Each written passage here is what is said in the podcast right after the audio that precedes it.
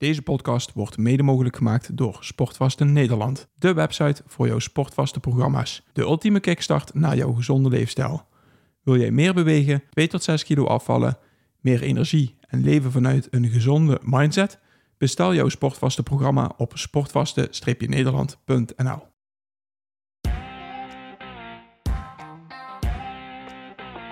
Welkom bij de Optimizers Podcast met Paul Willem, Roland Griek en Boris Cornelissen. We praten over gezondheid, groei en het optimaliseren van je gewoontes. Voor iedereen die zichzelf en zijn onderneming wil optimaliseren om er zoveel mogelijk uit te halen. Neem vooral niet alles klakkeloos aan, maar pas onze kennis toe om het zelf te ervaren. Om zo jouw leven te optimaliseren.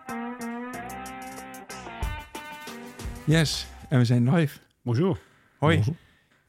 Ja, en inderdaad, eh, een wisseling van de wacht eh, kunnen we het eigenlijk wel bijna noemen. Want, eh, want Roland is er niet bij vandaag. Die, die hebben we gewisseld. Die hebben we gewisseld. en we hebben, ze, is niet een vorm. we hebben vandaag een, eh, een gast hier in de studio. Dus ehm, ja, Björn, Björn Deuzings.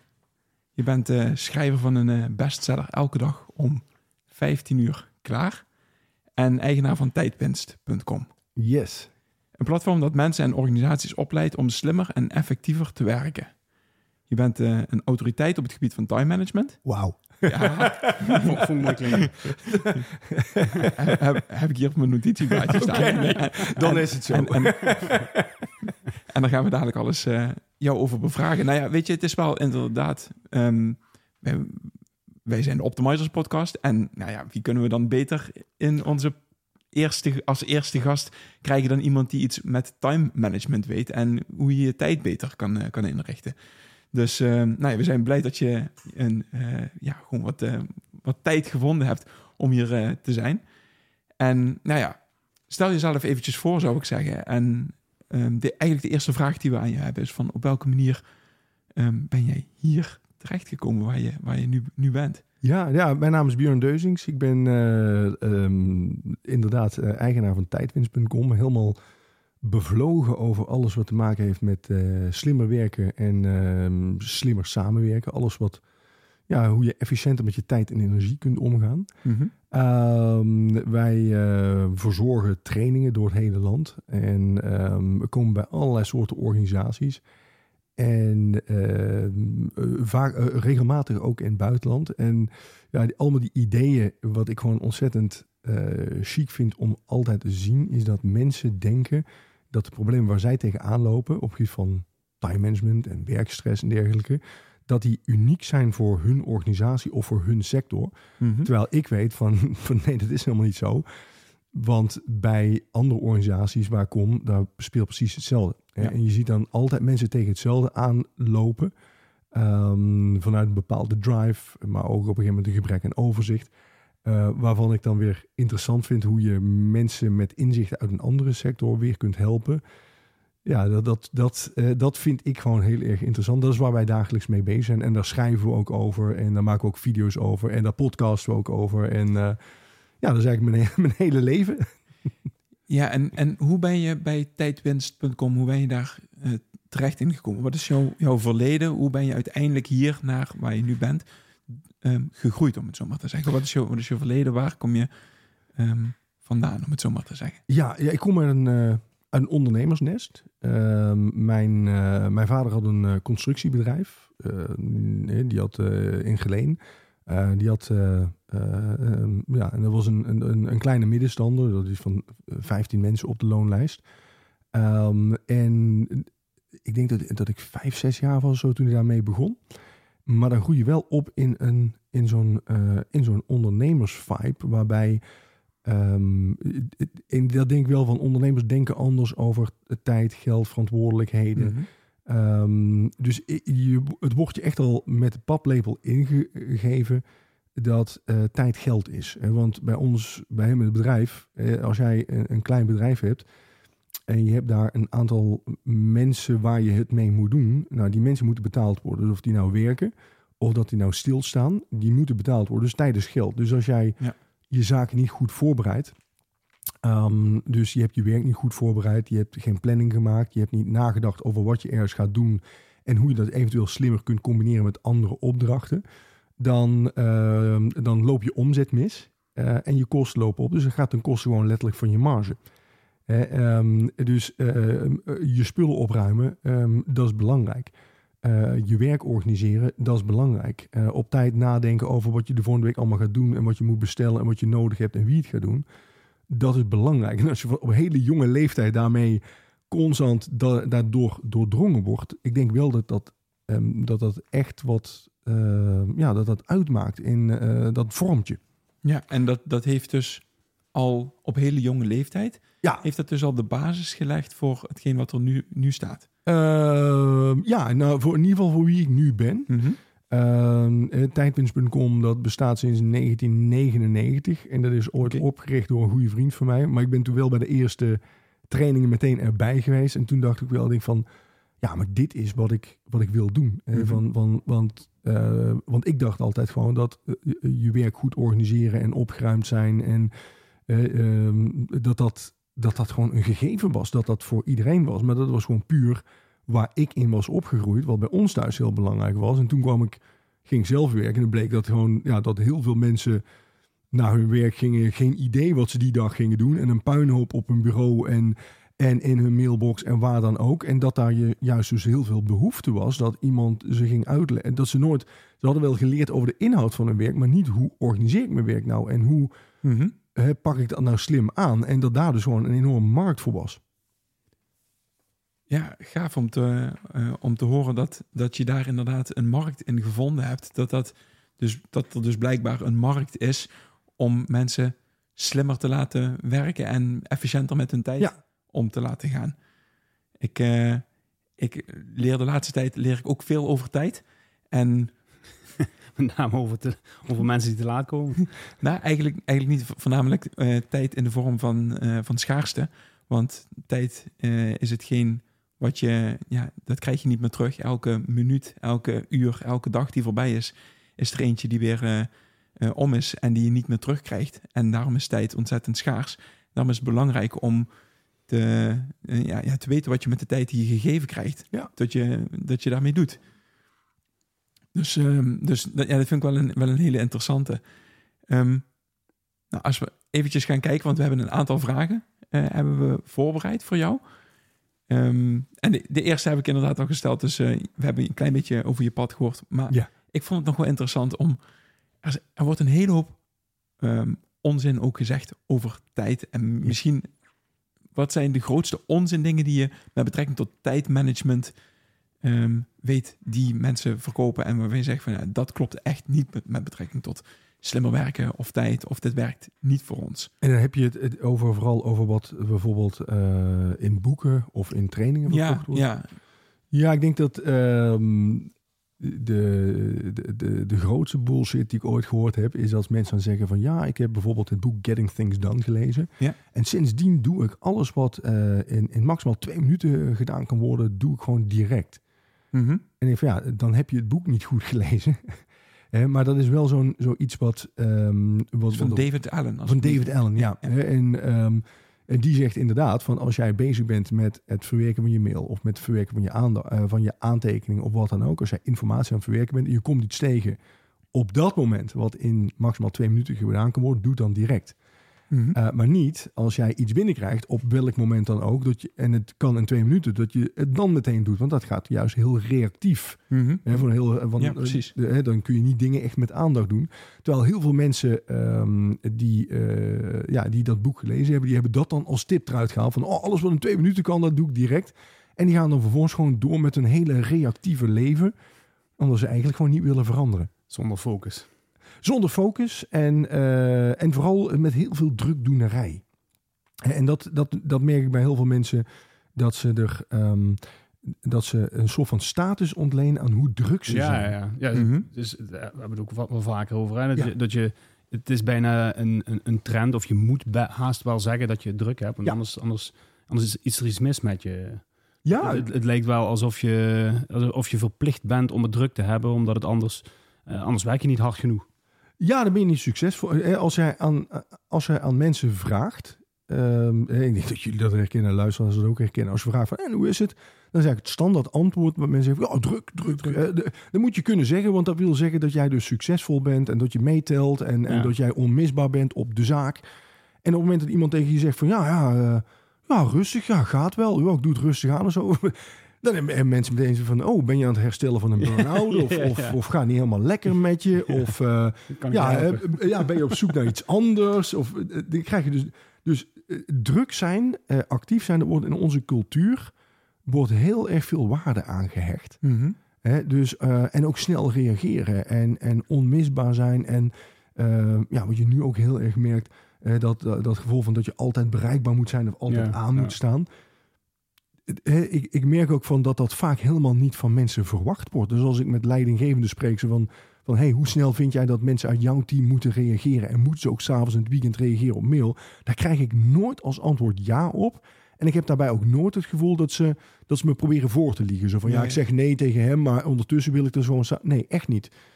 Maar als je dan aan mensen zelf vraagt, dan, dan, dan merk je dat ze echt oprecht dat beleven van... ik moet altijd alles in de gaten houden en snel reageren. En dat vind ik ook echt zo'n time management... Ja, e- echt bullshit op het gebied van time management, dat je snel moet reageren. Ik heb liever dat je even eerst nadenkt. Ja, want dat is, dat is ook een ene die op mijn lijstje staat. Zo van, bestaat eh, het druk hebben, bestaat dat? Ik denk dat... ehm, eh, ja, in wat voor een zin? Nou ja, in- in- voor mij is het een gevoel. Als jij zegt, ik heb het druk, dan betekent dat dat jij het gevoelsmatig in jouw hoofd druk hebt. En dat Ja. wil niet zeggen dat je per definitie druk hebt met allerlei taken die op je lijstje hebt staan. Jij maakt ervan, jouw, jouw eh, gedachte over hetgeen wat je moet doen, is dat dat heel erg veel is. En dus heb je het druk en dus word je gestrest. En Ja, ja, Dus- ja, dat herken ik. Daar ben ik ook echt mee eens. Ehm, druk, je hebt een verschil tussen objectieve werkdruk, van er ligt te veel wat gedaan moet worden. Mhm. Ik heb acht uur op een dag en er ligt voor twintig uur aan werk. En je hebt ehm werkdrukbeleving, dat is meer subjectieve werkdruk. Van, Mhm. oh, ik maak me zo zorgen over het feit dat ik de volgende week dit moet opleveren, de week daarna dat. En ehm, oh ja, wat was het nou weer wat ik jou beloofd had en, en, en wat ik nog moest doen deze week. En wat er niet iemand nog die me iets beloofd had waar ik nog op zit te wachten. Dat is ook druk, maar dat heeft niks te maken met productief zijn. Je bent gewoon druk aan het maken in je hoofd, omdat je het overzicht kwijt bent. En omdat je je overvraagd voelt. En omdat je ook merkt van, hé, wacht even, eh, de- volgens mij lekt mijn systeem. ja. Hè, want, want, want dat is dan vaak dat je ook ehm, merkt als mensen het overzicht kwijt zijn en ze hebben het idee dat, hun, dat de manier waarop ze werken, hun systeem, hoe noem ik dat dan, dat die lekt. Dat ze niet meer weten wat er allemaal precies van hun verwacht wordt en wat anderen nog zouden moeten aanleveren. Dat dat dan ineens van, dan ga je nadenken aan, aan welke eindjes liggen er nog allemaal, in plaats dat je bezig bent met het uitvoeren van je werk. Mhm. En, en dat vond ik, ik, heb, eh, daar, daar kennen we elkaar van. Ik heb eh, een jaar of zes geleden een, een, een cursus of een training bij jou gevolgd. Ja, eh, bij mijn toenmalige werkgever. En ehm, die om, al, al die punten die je nu benoemt, die training omvatte dat allemaal. Ja. En dat, nee, dat vind ik heel knap. Ja. Ik bedoel, eh, eh, meestal focust zo'n training zich op, op één aspect daarvan. Ehm, maar, en, en, en zeker in retrospect, want ik ben daar heel veel mee aan de gang gegaan. En dat is een van de meest waardevolle trainingen die ik, eh, die ik, die ik gehad heb. Ehm, heeft, heeft me dat heel veel opgeleverd, omdat het, het, hele, het, het hele aspect van time management, daar, werd ik, daar werd ik mee geconfronteerd op dat moment. En er was overal een bepaalde oplossing voor. Eh, Mhm. en en eh, het, het stukje, eh, ik, ik kon je net een aantal voorbeelden noemen van dingen die in je hoofd blijven zitten. Ja. dingen niet geordend krijgen, ergens tegenop zien, iets groter maken dan dat het is. Ehm, eh, je, je taken niet goed in- inzichtelijk hebben, je systemen. En voor al die dingen, die kwamen stelselmatig en op een, op een hele geordende manier, zoals dat hoort bij time management, kwamen, die, kwamen die terug in die training. Ja, En ik kwam heel sceptisch die training binnen. En ik, eh, ik liep met een enorme Lyrisch, smile. eh, lyrisch die, naar eh, buiten. Die dag Ja. naar buiten, ja. Hij ging ook steeds rechter zitten gedurende de training. Hij kwam ook binnen met zo'n gevoel zo van... Fuck, gewoon. Ik ging liever, ik ging liever verder fietsen dan. Ja. Maar, maar ik, hoor, ik hoor wel een, ehm, een, een paar dingen en ik probeer ze eventjes te, te funnelen naar, naar iets. Mhm. Ehm, ik hoor jou het veel over een systeem Ja. hebben. En ik hoorde je net ook zeggen dat je bij bedrijven komt en tot iedereen denkt tot hun problemen en met betrekking tot time management uniek is. Mhm. Ehm, bestaat er een uniek systeem om time management op een goede manier toe te passen om, om drie uur 's middags klaar te kunnen zijn? Nou, ik denk dat, dat, dat eh, sowieso het slechtste systeem om je taken te managen is je hoofd. Mhm. Hè, dus, eh, want dan krijg je dus net wat Boris zegt, dat je je druk bent aan het maken en dat je je overvraagd voelt en dat je steken laat vallen. Ehm, het het ehm, één gradatie minder slecht is als je gewoon alles opschrijft op een lange lijst en dat je wel in ieder geval alles uit je hoofd haalt en dat je je hoofd hè, dus leeg houdt. Is dat een soort to-do-lijst dan? eh? Ja, maar dan wel zo'n eindeloze. Ik weet niet of je die, die kringen nog kent. Vroeger wat op het bureau lagen die blauwe dingen, zo met things to do today. En als mensen dan zo van. en dan waren ze over een schrijven. En dan was het op het eind van de dag van. Oh, even terugbladeren wat ik gisteren allemaal niet gedaan heb. En Ja, eergisteren. en en dan hebben ze briefjes van vorige week hebben ze dan nog, eh, nog liggen. ja, precies. En dat wordt dan zo'n soort van, van vuilnisbelt van gestolde emoties. Zo van, wordt dan alles opgeschreven. En dat werkt niet. Dat is gewoon alleen maar confronterend. hè. En dat, dat was ook van... eh, Dat, en, dan kwamen, en, en soms komen mensen daar nu nog mee aan. Dan zijn we die blauwe, langwerpige boekjes. En met zo'n ringband erin. Zo van, kijk, dit heb ik en dit werkt niet. Ja, nee, natuurlijk niet. Want je schrijft wel alles op. Maar eh, vervolgens staat er veel meer op dan dat, je, eh, eh, dan dat je überhaupt kunt doen. Maar het wordt ook niet omgezet naar concrete acties. Dus heel veel dingen die erop staan, dan heb je kleine acties en dingen die je in de gaten wil houden en dingen die je wil bespreken en dingen waar je nog eens over na moet denken. Mhm. En, ehm, maar dan heb je in ieder geval op één plek. Hè. En wat ik bij heel veel mensen zie, is dat die ehm, en een klapblok hebben en nog een klapblok en nog een klapblok en, dat, eh, en losse blaadjes. En dat op die, op die verschillende plekken, daar staan ook die dingen door elkaar heen. Van, oh ja, dit moet ik nog doen. En daar moet ik nog eens over nadenken. Dat wil ik niet vergeten. En daar moet ik, eh, dus van allemaal door elkaar heen. Maar de mailbox ook. Dus dan komt er een mailtje binnen en denk je, oh wacht, maar, maar daar moet ik nog even achteraan. Eh, wacht, dan markeer ik als ongelezen, want dan ga ik dat niet vergeten. En oh, dit mailtje, oh, daar moet ik nog op antwoorden. En dit, oh, dat moet ik de volgende week nog eens even doen. Wacht, dat had ik ook staan. Dus dan, dus ik kwam er op een gegeven moment, en dan hebben ze naast nog een taaklijst en dan staan ze ook door elkaar heen. Mhm. En het probleem is met, met zo'n systeem, is dat je dan wel die takenlijst hebt, maar dat je een hele hoop subsystemen hebt om ook dat soort taken op te managen. Want je hebt nog die klapblok die nog niet verwerkt is en nog een klapblok en nog je mailbox en nog losse blaadjes.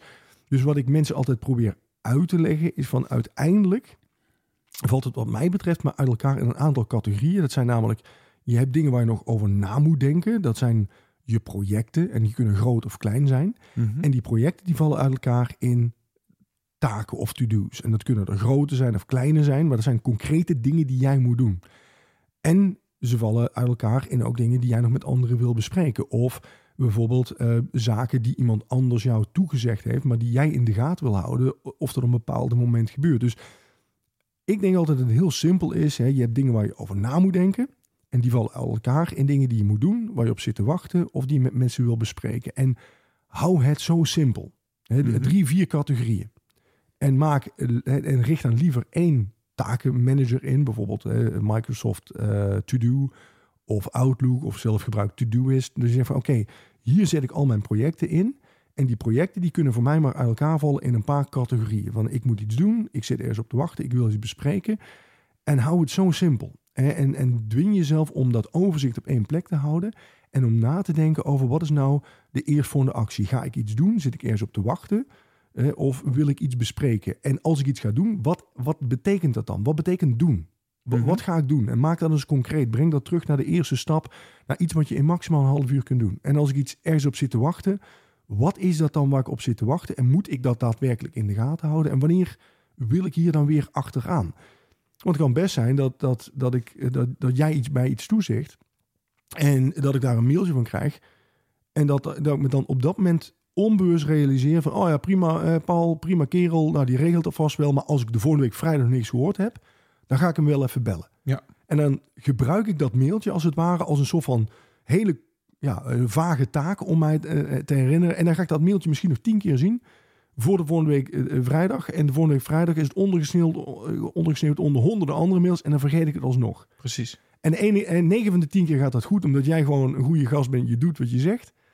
En die ene keer gaat het fout. En dan merk je, weet jouw brein ook meteen van: kijk, jouw systeem dat werkt niet. Ja. En ons brein is heel gevoelig voor als iets net niet werkt. Mhm. Want het maakt niet uit of het niet werkt of net niet werkt.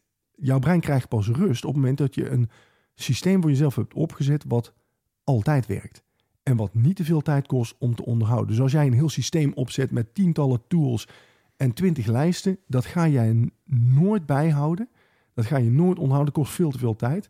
Maar een lijst waar, maar een systeem wat bestaat uit maar één lijst, bijvoorbeeld dat, dat blauwe boekje met Things to Do Today, dat is dan weer veel te simpel. Daar onderscheid jij niet de projecten van de dingen waar je op zit te wachten, van dingen die je moet doen. Dus hou het zo simpel mogelijk, En- maar niet te simpel. En dat heeft ook met prioriteit te maken, neem ik aan. Eh, dat, dat je gaat, bepaalde dingen gaat prioriteren, toch? Of, Ja, ja. Hé, maar, maar kijk, eh, ehm, als jij een simpel systeem hebt voor jezelf, wat dus niet te simpel is, want dan, dan, heb je daar, dan kun je dus juist die prioriteiten niet stellen. Als jij een simpel systeem hebt voor jezelf, wat je bijhoudt, dan kun je dus ook makkelijk die prioriteiten stellen. Mhm. Als jij een, eh, geen systeem hebt, dan kost je heel veel tijd om overzicht te creëren en heel veel tijd bij elke keer van, oké, wat heeft nou prioriteit? En dat, Ja. dat geeft dus juist die, die drukbeleving. En heb je een, een systeem wat heel moeilijk is om bij te houden, dan ga je het ook niet. Ik, ik ken genoeg organisaties waar ze met, met CRM-systemen moeten werken, die veel te veel klikken zijn. En dan gaan mensen het ook niet bijhouden. En dan verliezen ze al heel snel het overzicht. Dus een systeem, ja, dat moet waterdicht zijn en dat, dat moet altijd up-to-date zijn. En een systeem is wel iets wat persoonlijks persoonlijk is. Eh, voor jou kan een ander systeem werken dan voor mij, neem ik aan. En het moet wel binnen een bepaald raamwerk Ja. passen, dat het, dat het dus niet te makkelijk en niet te moeilijk is. Ja. Maar hoe niet makkelijk en hoe niet moeilijk, dat is voor iedereen is dat een soort van trial and error proberen wat Ja. werkt wel, wat werkt wel, wat werkt niet. Ja, kijk, en wij, eh, ik probeer wel altijd mensen aan te leren van, hey, wat is nou het verschil tussen een project en, en eerstvolgende acties? En eerstvolgende acties, dat is dus, Mhm. ja, je moet iets doen, je zit eerst op te wachten of je wil het bespreken. Maar als jij zegt van, nou, ik heb nog twee of drie categorieën die ik daaraan toe wil voegen, nou, prima, be my guest. Maar hou er wel rekening mee, dat, dat levert dus wel twee, drie extra lijstjes op, die jij consequent moet onderhouden. Precies. En vraag jezelf of jij die persoon bent die, die eh, want ik ken mensen die hebben zo'n systeem wat, wat heel uitgebreid is en daar gaat heel veel tijd in zitten.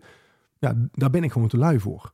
Hè, maar ik wil wel die rust. Dus als ik één lijst heb waar alles door elkaar heen staat, ja, dat, dat geeft mij niet die transparantie. En dan kan ik dus ook geen prioriteiten stellen. Maar hoeveel, hoe uitgebreid of hoe simpel jouw systeem moet zijn, ja, dat is inderdaad trial and error. Maar ook welke tool gebruik je het liefst? Want ik heb het liefst een digitale tool. Terwijl Mhm. andere mensen zeggen, van, nou, ik heb liever een papieren systeem. Ja, weet je, ik ben niet de persoon die dat gaat afkraken. Als dat jou, voor jou werkt, maar hij, je moet hem wel altijd bij je hebben. Of Ja. in ieder geval bewust van zijn van dingen die jij nou, onder eh, gedurende je dag verzamelt die nog moeten gebeuren. Dus die daar wel in terecht moeten komen en dat je daar weer je prioriteiten in moet stellen. Maar ja, pick your poison. Heb- Hebben jullie bij Tijdwinst eh, allemaal de- hetzelfde systeem?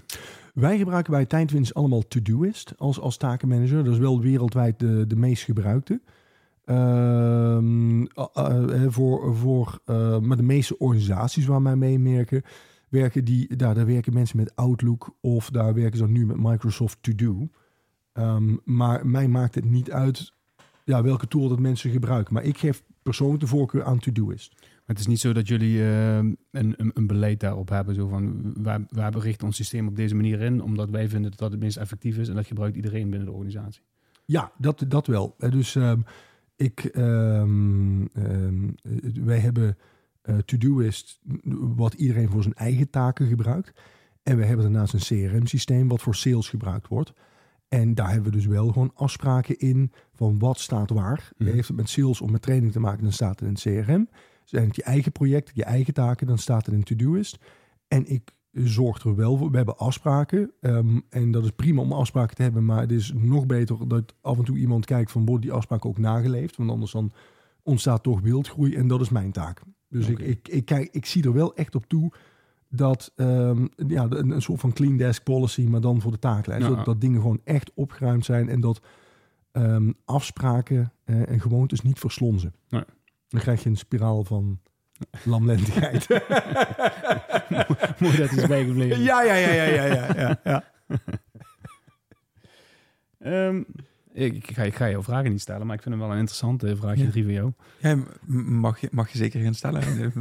het, is wel, het staat wel bij mij eh, op, op mijn, eh, mijn lijstje, maar je mag hem zeker stellen hoor. Ja, we, we hebben lijstjes gemaakt van tevoren met, eh, met een aantal vragen die we Ja. aan hierin hadden. En uh, nou ja, een van, de, een, van de vragen die Paul, uh, die, die, Paul heeft is uh, wat jouw masterminds zijn. En met master, wij hebben een, een, een, een hoe heet het? een aflevering gemaakt over, over alleen mijn masterminds waren het. Hè? Ja.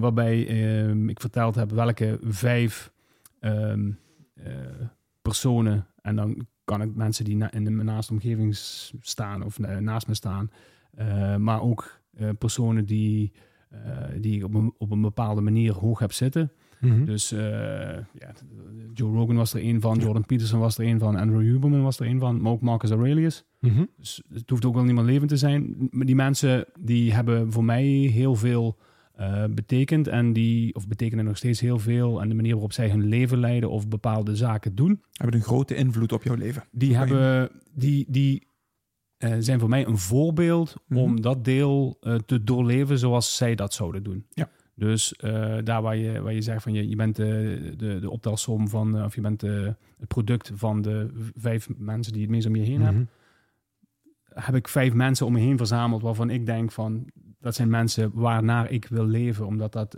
mijn standaard is op een bepaald gebied.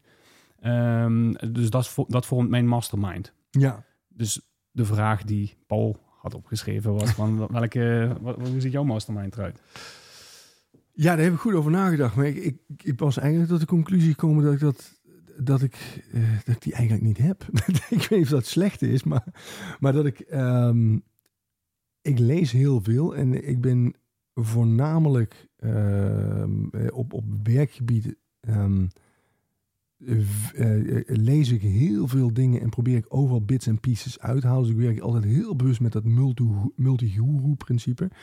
Ik ben niet iemand die echt fan is van een ander persoon of een andere denkwijze. En dan, uh, dat heb ik vroeger bijvoorbeeld ook nooit gehad op de, op de middelbare school. Zodat je fan bent van een bepaalde band of zo. Van, ja, het, is, het is niet zozeer. ja. Uh, misschien is het. het uit, is uit, welke persoon haal je de meeste inspiratie? Ja, ja. ja. Het, is, is meer, dat wel een. Kijk, uh, ik, ik, zal, ik zal een voorbeeld geven. Een, een, uh, Joe Rogan. Het is, ik, ik, ik vind zijn podcast vind ik fantastisch, maar ik ben geen fan van Joe Rogan. Ik, Nee. ik ben ook niet zo'n fanboy wat dat betreft. Ik heb dat ook nooit. uh, behalve een poster van Tiffany die ik vroeger boven mijn bed had. maar dat is een ander verhaal. Wat ik jullie niet zal besparen. Um, maar Joe, een kwaliteit van Joe Rogan is dat hij uh, um, de, uh, de filosofie of de gedachte van iemand uh, kan horen en daar zijn eigen um, oordeel aan kan geven zonder, zonder dat hij daar zijn eigen emoties bij, op loslaat. Dus die kan een gedachte entertainen. Ik ben even, ik, Nederlandse woorden kan ik niet, weet ik daar even niet voor. Um, en vervolgens um, zijn, eigen, zijn eigen mening daaromtrent vormen, zonder dat hij beïnvloed wordt door een bepaalde emotie ja. of, of, dat soort zaken. Nou, dat is een, uh, een, een, kenmerk van, van Joe Rogan in zijn podcast, waar ik van denk, zo wil, zo, dat, dat stuk pak ik eruit en dat, dat, uh, volgens die wet wil ik, uh, wil ik zelf leven, omdat dat voor mij van belang is om, ja, tenminste, ik, ik vind dat een, een waarde waar, Ja. waar vervolgens Ja. ik... Dus op, op, op die manier hebben, hebben wij hem destijds. Uh, op die Ja. manier bedoelen we de vraag. Ja, nou wat ik, wat ik zelf, uh, waar ik enorm veel van geleerd heb, dat is van mijn, uh, mijn vroegere collega en, en ooit oprichter van, van Tijdwinst, Gerald Essers. Um, in, um, toen ik bij hem kwam werken ooit, hè, en, en, en, ik heb mezelf echt moeten opwerken, is um, hij heeft me dat niet makkelijk gemaakt. Dus hij is iemand die, die uh, echt self-made is, van niks aan heeft opgebouwd. En um, we waren hele goede vrienden. Maar het feit dat we hele goede vrienden waren, betekende niet dat ik daardoor een potje kon breken op het werk. Of um, wel uh, dat, dat je daardoor um, uh, een, een, streepje voor had. Mm. Of dat, dat dingen je vergeven werden. Je werd gewoon keihard afgerekend op de dingen die je wel of niet deed. Dus um, uh, dus het, het, persoonlijke, op persoonlijk vlak was dat altijd gewoon prima. Maar zakelijk werd je gewoon keihard afgerekend. En um, werd je gewoon echt gehouden. Werd je gewoon de maat gemeten aan de dingen die je, die je wel of niet. Mm -hmm. um, ja, die wel of niet gelukt waren. en daar heb ik wel echt heel veel van geleerd. want waar ik dus persoonlijk niet tegen kan, is dat op het moment dat mensen het niet geregeld krijgen. Uh, afspraken niet nakomen, dat, dat is echt bij mij een allergie.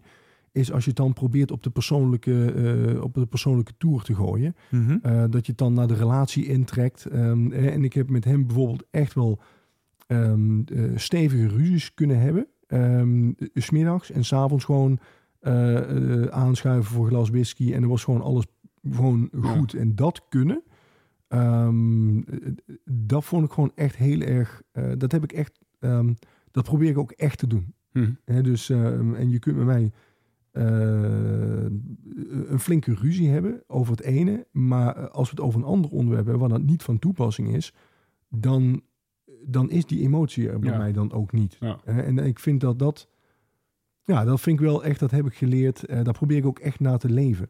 Ja. Hè, je moet ook niet dat doortrekken naar andere dingen. Want dan kom je daar weer tegen. Van, hey, als we het over onderwerp A hebben, dan, dan eh, zijn daar feiten en, en emoties relevant. En gaan we het over onderwerp B hebben, dan moet je daar niet in meetrekken. Mhm. Dat vind ik wel een hele mooie. Vind ik wel, wel heel erg knap ook. En dat dat... Het lukt niet altijd. Nee, maar, maar ik probeer daar wel echt heel bewust mee te zijn. nee maar, maar dat dat... dat het, ja, nou ja, alleen al het feit dat je je daar bewust van bent... eh, vind ik iets wat, wat, wat, heel erg, eh, wat heel erg gaaf is. Wat, wat denk ik eh, de wereld een mooier plek zou maken... op het moment dat, dat een hoop mensen dat, dat zouden doen. Je, ziet het in de... eventjes, je ziet in de politiek ook wel... eh, ehm, vaker voorkomen. Volgens mij zitten Mark Rutte en, en Geert Wilders zitten ook, ook wel eens een keer eh, met elkaar een kopje Ja. koffie te drinken. Maar eh, ehm, in de, als ze in de Tweede Kamer staan, dan staan ze toch echt lijnrecht tegenover elkaar. Dus, en ja, Ja, Ik- toevallig dat was vroeger ook met, eh, volgens mij was dat Willem Drees. eh, en eh, ja, dus, eh, van, omdat ik toevallig iemand, eh, er was een, een VVD'er en een PvdA die gewoon ook echt hele goede vrienden waren. Want bij Mark Rutte en, en Geert Wilders heb ik niet het idee dat die, eh, van, die doen dat op dat moment wel leuk voor elkaar. Omdat, nou, maar ik heb niet het idee dat, maar, maar ook gewoon mensen die dus politiek elkaar tegengestelde waren. En Mhm. dan echt gewoon hele goede vrienden waren. En daarna, de dag daarna in de Tweede Kamer, nou die vochten zich de tent uit. Ja. En dat neem je niet mee naar de relatie. En ik, ik vind dat echt, ehm, ja, ik vind dat bewonderenswaardig als je, als je eh, dat los kunt laten. ja. Ja, mooi. Dus, en, eh, dat, en dat zie je heel veel op, eh, bij grote bedrijven. Dat er echt politiek bedreven Mhm. wordt. En denk Mhm. van nee, maar daar worden we gewoon met z'n allen niet beter van. Dan wordt zo'n bedrijf niet beter van op het moment dat, dat ik jou probeer voor te trekken. Niet omdat je de beste bent, maar omdat ik jou het aardigste vind. En dat jij mij ook dingen gunt. En politiek, maar dan ook op de persoon. Ja, ja, ja. Ja, precies. Ja, en ik denk ook wel dat we een beetje in een samenleving leven waarin we elkaar allemaal met zijde handschoentjes moeten aanpakken, omdat niemand gekwetst mag raken. En Ja. weet je, ik denk dat je elkaar best de waarheid mag vertellen als je je niet houdt aan bepaalde afspraken en dat je elkaar daarop mag wijzen in plaats van dat je eromheen gaat draaien om iemand maar niet te kwetsen omdat hij zichzelf niet aan een afspraak gehouden heeft. Nee, ja, je hebt je op dat moment niet aan die afspraak gehouden, dan mag ik jou op, op aanspreken en dat zegt niks over jou als persoon. Ja, ja. Maar ja, eh, zorg dat het niet meer gebeurt en, eh en move on. Ja, ja, maar je schopt niet tegen. eh, eh, eh, eh, je schopt niet tegen de persoon, je schopt tegen de stoel waar die op zit. Ja. hè, de, de functie die je op dat moment heeft. En ehm, dat heb ik. ik heb voor de voorhand onderwijs eh, gewerkt. En daar had ik een, een leidinggevende. Die was daar ook altijd. Die probeerde me altijd duidelijk te maken. Want als hij me feedback gaf. Van joh, ik, ik heb het niet tegen jou als persoon. Maar ik heb het gewoon naar de functie die je uitvoert. En ik geef je nu bepaalde tips hè, of ik geef je feedback. En dat moet je niet persoonlijk oppakken, want ik probeer jou een tip te geven. En als jij dat meteen ziet als kritiek, dan het enige wat je doet is dat ik je de volgende keer geen tip meer durf te geven. Ehm, hè, of geen feedback durf te geven door de reactie die, die je hebt daarop. Hè, of, of als je dat. eh, of als dat iets doet met onze relatie. Dat is eigenlijk best wel een hele passief-agressieve reactie. Zo van, eh, ja, als jij mij eh, vaker bekritiseert, dan ga ik jou eh, een criticus noemen. Nee, eh, eh, nee, want dan, dan ben ik eigenlijk gewoon een beetje... Ja, ja ik vind dat eigenlijk wel, wel zwak. Zo van, ik snap die reactie, maar zet je daar overheen. Want ik probeer je te helpen. Maar dan, Ja. moet, wel, eh dan moet er wel vertrouwen zijn. Ja, zeker. Ja, mooi. Dus, eh, en de persoon heette Ger. Eh, eh, Gerald eh, Gerald, was één collega. Eh andere collega was Maurits. Oké. ehm, ja, dat, dat zijn eigenlijk wel twee wat mij zo, als je me vraagt naar masterminds, dan zijn dat wel de mensen waar ik het, het, het meeste, ehm, eh, eh, waar ik dan aan denk. Wat mij eh, tegenstrijd met bijvoorbeeld schrijvers of bekende personen. Om, om die, want bijvoorbeeld eh, Jordan Peterson luister ik ook heel graag naar. Eh, ik vind het altijd heel mooi hoe die, ehm, hoe die gewoon heel analytisch kan zijn. Ondanks dat hij, eh, dat dat dus niet ehm, zich laat tegenhouden door van oh, het kan zijn dat ik iemand kwets, maar ik vind gewoon dat ik de feiten op een rij heb en ik leg het goed uit. En dat zich daar dus ook gewoon niks van aantrekt. Maar het kost een persoon, op op privé Ja, ja, ja. kost hem dat enorm veel. Mhm. Hè, eh, de, de lading stront die die man over zich heen krijgt, ja, dat, dat, dat gun je echt niemand. Nee. Ehm, maar als ik kijk naar bijvoorbeeld eh, in mijn eigen werkveld, eh, Stephen Covey, eh, David Allen, en dergelijke, dat zijn al die, ja, dat zijn van die goeroes op dat eh, gebied. Terwijl ja, David Allen die zegt bijvoorbeeld over zichzelf, van ik ben hier allemaal heel goed in, maar ik ben een hele middelmatige manager en, Mhm. en dat kan ik allemaal niet. En ik denk, ja, allemaal leuk en aardig dat je, dus, dat je daar dus heel bekend mee bent, maar eigenlijk ja, kun je het zelf heel moeilijk in de praktijk brengen. Je hebt het allemaal ja, gezien bij andere mensen die je coachen. Je kunt die verhalen heel mooi vertellen. Daar is helemaal niks mis mee. Maar eigenlijk geef je tegelijkertijd ook toe dat, je, dat, dat als jij eh, het zelf een groot team moet aansturen, dat je dat dan moeilijk vindt om die gesprekken aan te gaan en dergelijke. En Stephen Covey ook, die kan ontzettend mooi schrijven en zo, maar wel, ja, die is al heel vroeg, is die, heeft hij een, een, een bedrijf opgericht en mensen om zich heen eh, verzameld die, die juist die kolen voor hem uit het vuur halen Niet voor hem doen. die het voor hem doen. En dat Ja. vind ik het, het probleem met heel veel ehm, ehm, masterminds. Is dat ze ook niet echt mijn idolen kunnen zetten. Dat er, niet, dat er ja, genoeg mensen tussen zitten waarvan ik zeg van... Hey, hele mooie ideeën, daar kan ik echt wat mee. Heb ik ook heel veel aan gehad. Maar ja, ik, ik, ik zie het jezelf niet 100% doen. Nee, nee, nee. Ja, het, het, het was ook niet... eh, kijk, een, een, een persoon 100% eh idoliseren... Is dat een woord? N- Ja, volgens Nu mij wel, maar- nu maar- wel. ik, ik vind dat we er nu een woord moeten maken. Ehm, ja, is, ook, is ook niet eh, waar ik op uit was. Het was bij mij, ik heb een aantal kenmerken die voor mij, voor een bepaalde persoon, eh, eruit springen, waar, eh, ja, wa- waarnaar ik wilde, wilde leven, zeg maar. Ja. En dat, Ja, bij Jordan Peterson had je volgens mij de kracht van de overpeinzing. ja, en, de bij- welbespraaktheid met en- name. Ja, precies. De, de, de, de, de manier waarop hij zich kan uitdrukken en eh, op een dusdanige manier verbaal zijn, zijn theorieën kan onderbouwen. Ja, dat, dat, dat- dat is niemand op aarde volgens mij die dat zo eh, wel overwogen kan doen als Jordan Peterson. En dan ook nog, op, op, ja dat. Ja. En op het moment dat iemand zegt, eh, maar heb je hier al eens aan gedacht, want dit zou ook wel een oplossing kunnen zijn. Dan kan die in het moment zeggen, oh ja, fuck, je hebt gelijk. Ik, eh, ik denk dat ik ernaast zit en ja, dat zou op deze manier... eh, Ja. Die is niet op zoek naar zijn gelijk, die is op zoek naar wat is voor mij, eh, wat is voor mij de waarheid. En, eh, Ja, er En- zit geen ego. Er, Nee. zit, er is geen ego-tripper. nee, eh, nee. En dat vind ik, ja, dat vind ik fantastisch. En dat zijn, dat zijn dingen waarvoor ik, waarvolgens ik zelf graag zou willen leven. En daar spiegel ik me dan aan. Dat zijn dan voor mij mensen eh, waarbij ik dat aspect van die persoon eruit zou willen pikken om, Ja. om daarna Ja. te leven, zeg maar. Ja, wat ik, wil- ik wil trouwens nog eentje, ehm, wat ik een heel interessant persoon vind. Ehm, eh, hij komt regelmatig op Shark Tank. Ik volg hem ook op, op YouTube. eh, Mr. Wonderful, Kevin, eh, Kevin O'Leary. Zeg maar niks. En eh, dat is een investeerder, eh, Canadees. Ehm, eh, maar eh, dat is ook echt gewoon een, een, eh, een hele harde zakenman. Hij komt hard over op iedereen, maar dat, dat is hij feitelijk niet. Maar het is wel iemand die gewoon heel erg bij zijn stuk is. Eh, eh, niet van zijn stuk te, te krijgen is, die heel duidelijk weet wat hij wil. En die ook heel resoluut kan zijn in, eh, in dingen. Dus bijvoorbeeld, eh, daar komen mensen die, eh, ehm, die komen eigenlijk een beetje zoals, oh heet het nou, Dragon's Den noemen ze dat Ja, in Nederland. hè. Dus, maar de Amerikaanse versie is natuurlijk ook wel heel Amerikaans dan.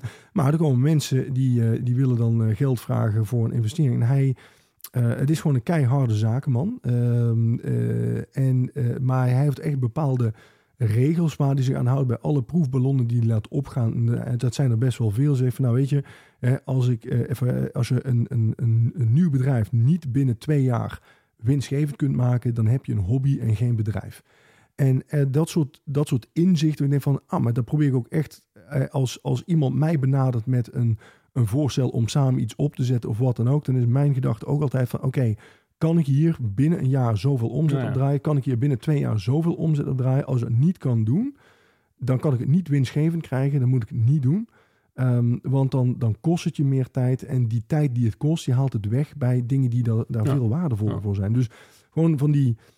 ehm, ja, dat vond ik dus wel echt eh, iemand van nee, maar hier kun je gewoon echt van leren. Ehm, eh, maar die dus bijvoorbeeld ook.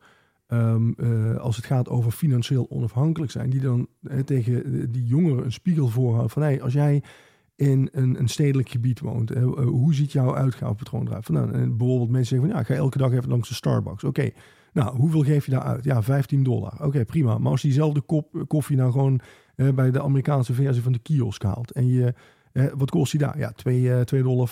Prima. Nou, dan hou je 12,50 over. Als je dat elke dag opzij legt en je, eh, je investeert dat je hebt dit rendement. Nou, dan kun je bijna van, van dan kun je haast mee van pensioen, op pensioen hè, over 40 jaar. Ja. En als je hem thuis maakt en je koopt gewoon één keer een thermoskan, nou, dan ben je 20 cent kwijt voor een kop koffie. Dus van mensen proberen duidelijk te maken van, van, eh, van hij is, hij heeft een, een vermogen van, van honderden miljoenen.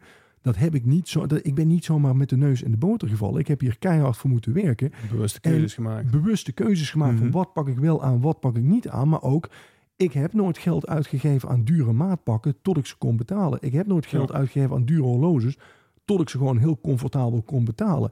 Terwijl heel veel mensen nu, die proberen daar al te beginnen. Die willen meteen dat maatpak, die willen meteen dat dure horloge, die willen meteen die dure leaseauto voor de deur. Maar je maakt jezelf ook afhankelijk. Mhm. Je eh, en ehm, ja, dat zijn wel echt gewoon inzichten. Ik denk van, oh ja, wauw. Dat, hè, en dat, dat op het moment dat ik dan iemand gewoon op een zondagmiddag, heb je niks te doen, ben je aan, aan het zappen, kom je dat tegen. Nou, oké, Shark Tank, kijk eens even. Hey, die, die gast spreekt me wel aan. En toen ben ik echt meer gaan lezen en, en kijken van Ja. hem. Denk, ja, hier kun je echt wel wat uithalen. Ja. Ja, ik, ik, ik hou daarvan om dat soort... eh, ik, ik, ik ga die naam dadelijk ook eh, nog een keer aan je vragen. Ik, ik, ik, ik duik hier dan middenin. Hè. Ik, Ja. vind dat, ik vind dat schitterend om eh, af en toe plopt er een zo'n naam op. En dan denk je van, hé, hey, die gast ken ik nog niet. En dan Ja. komt er een hele rits aan YouTube-filmpjes.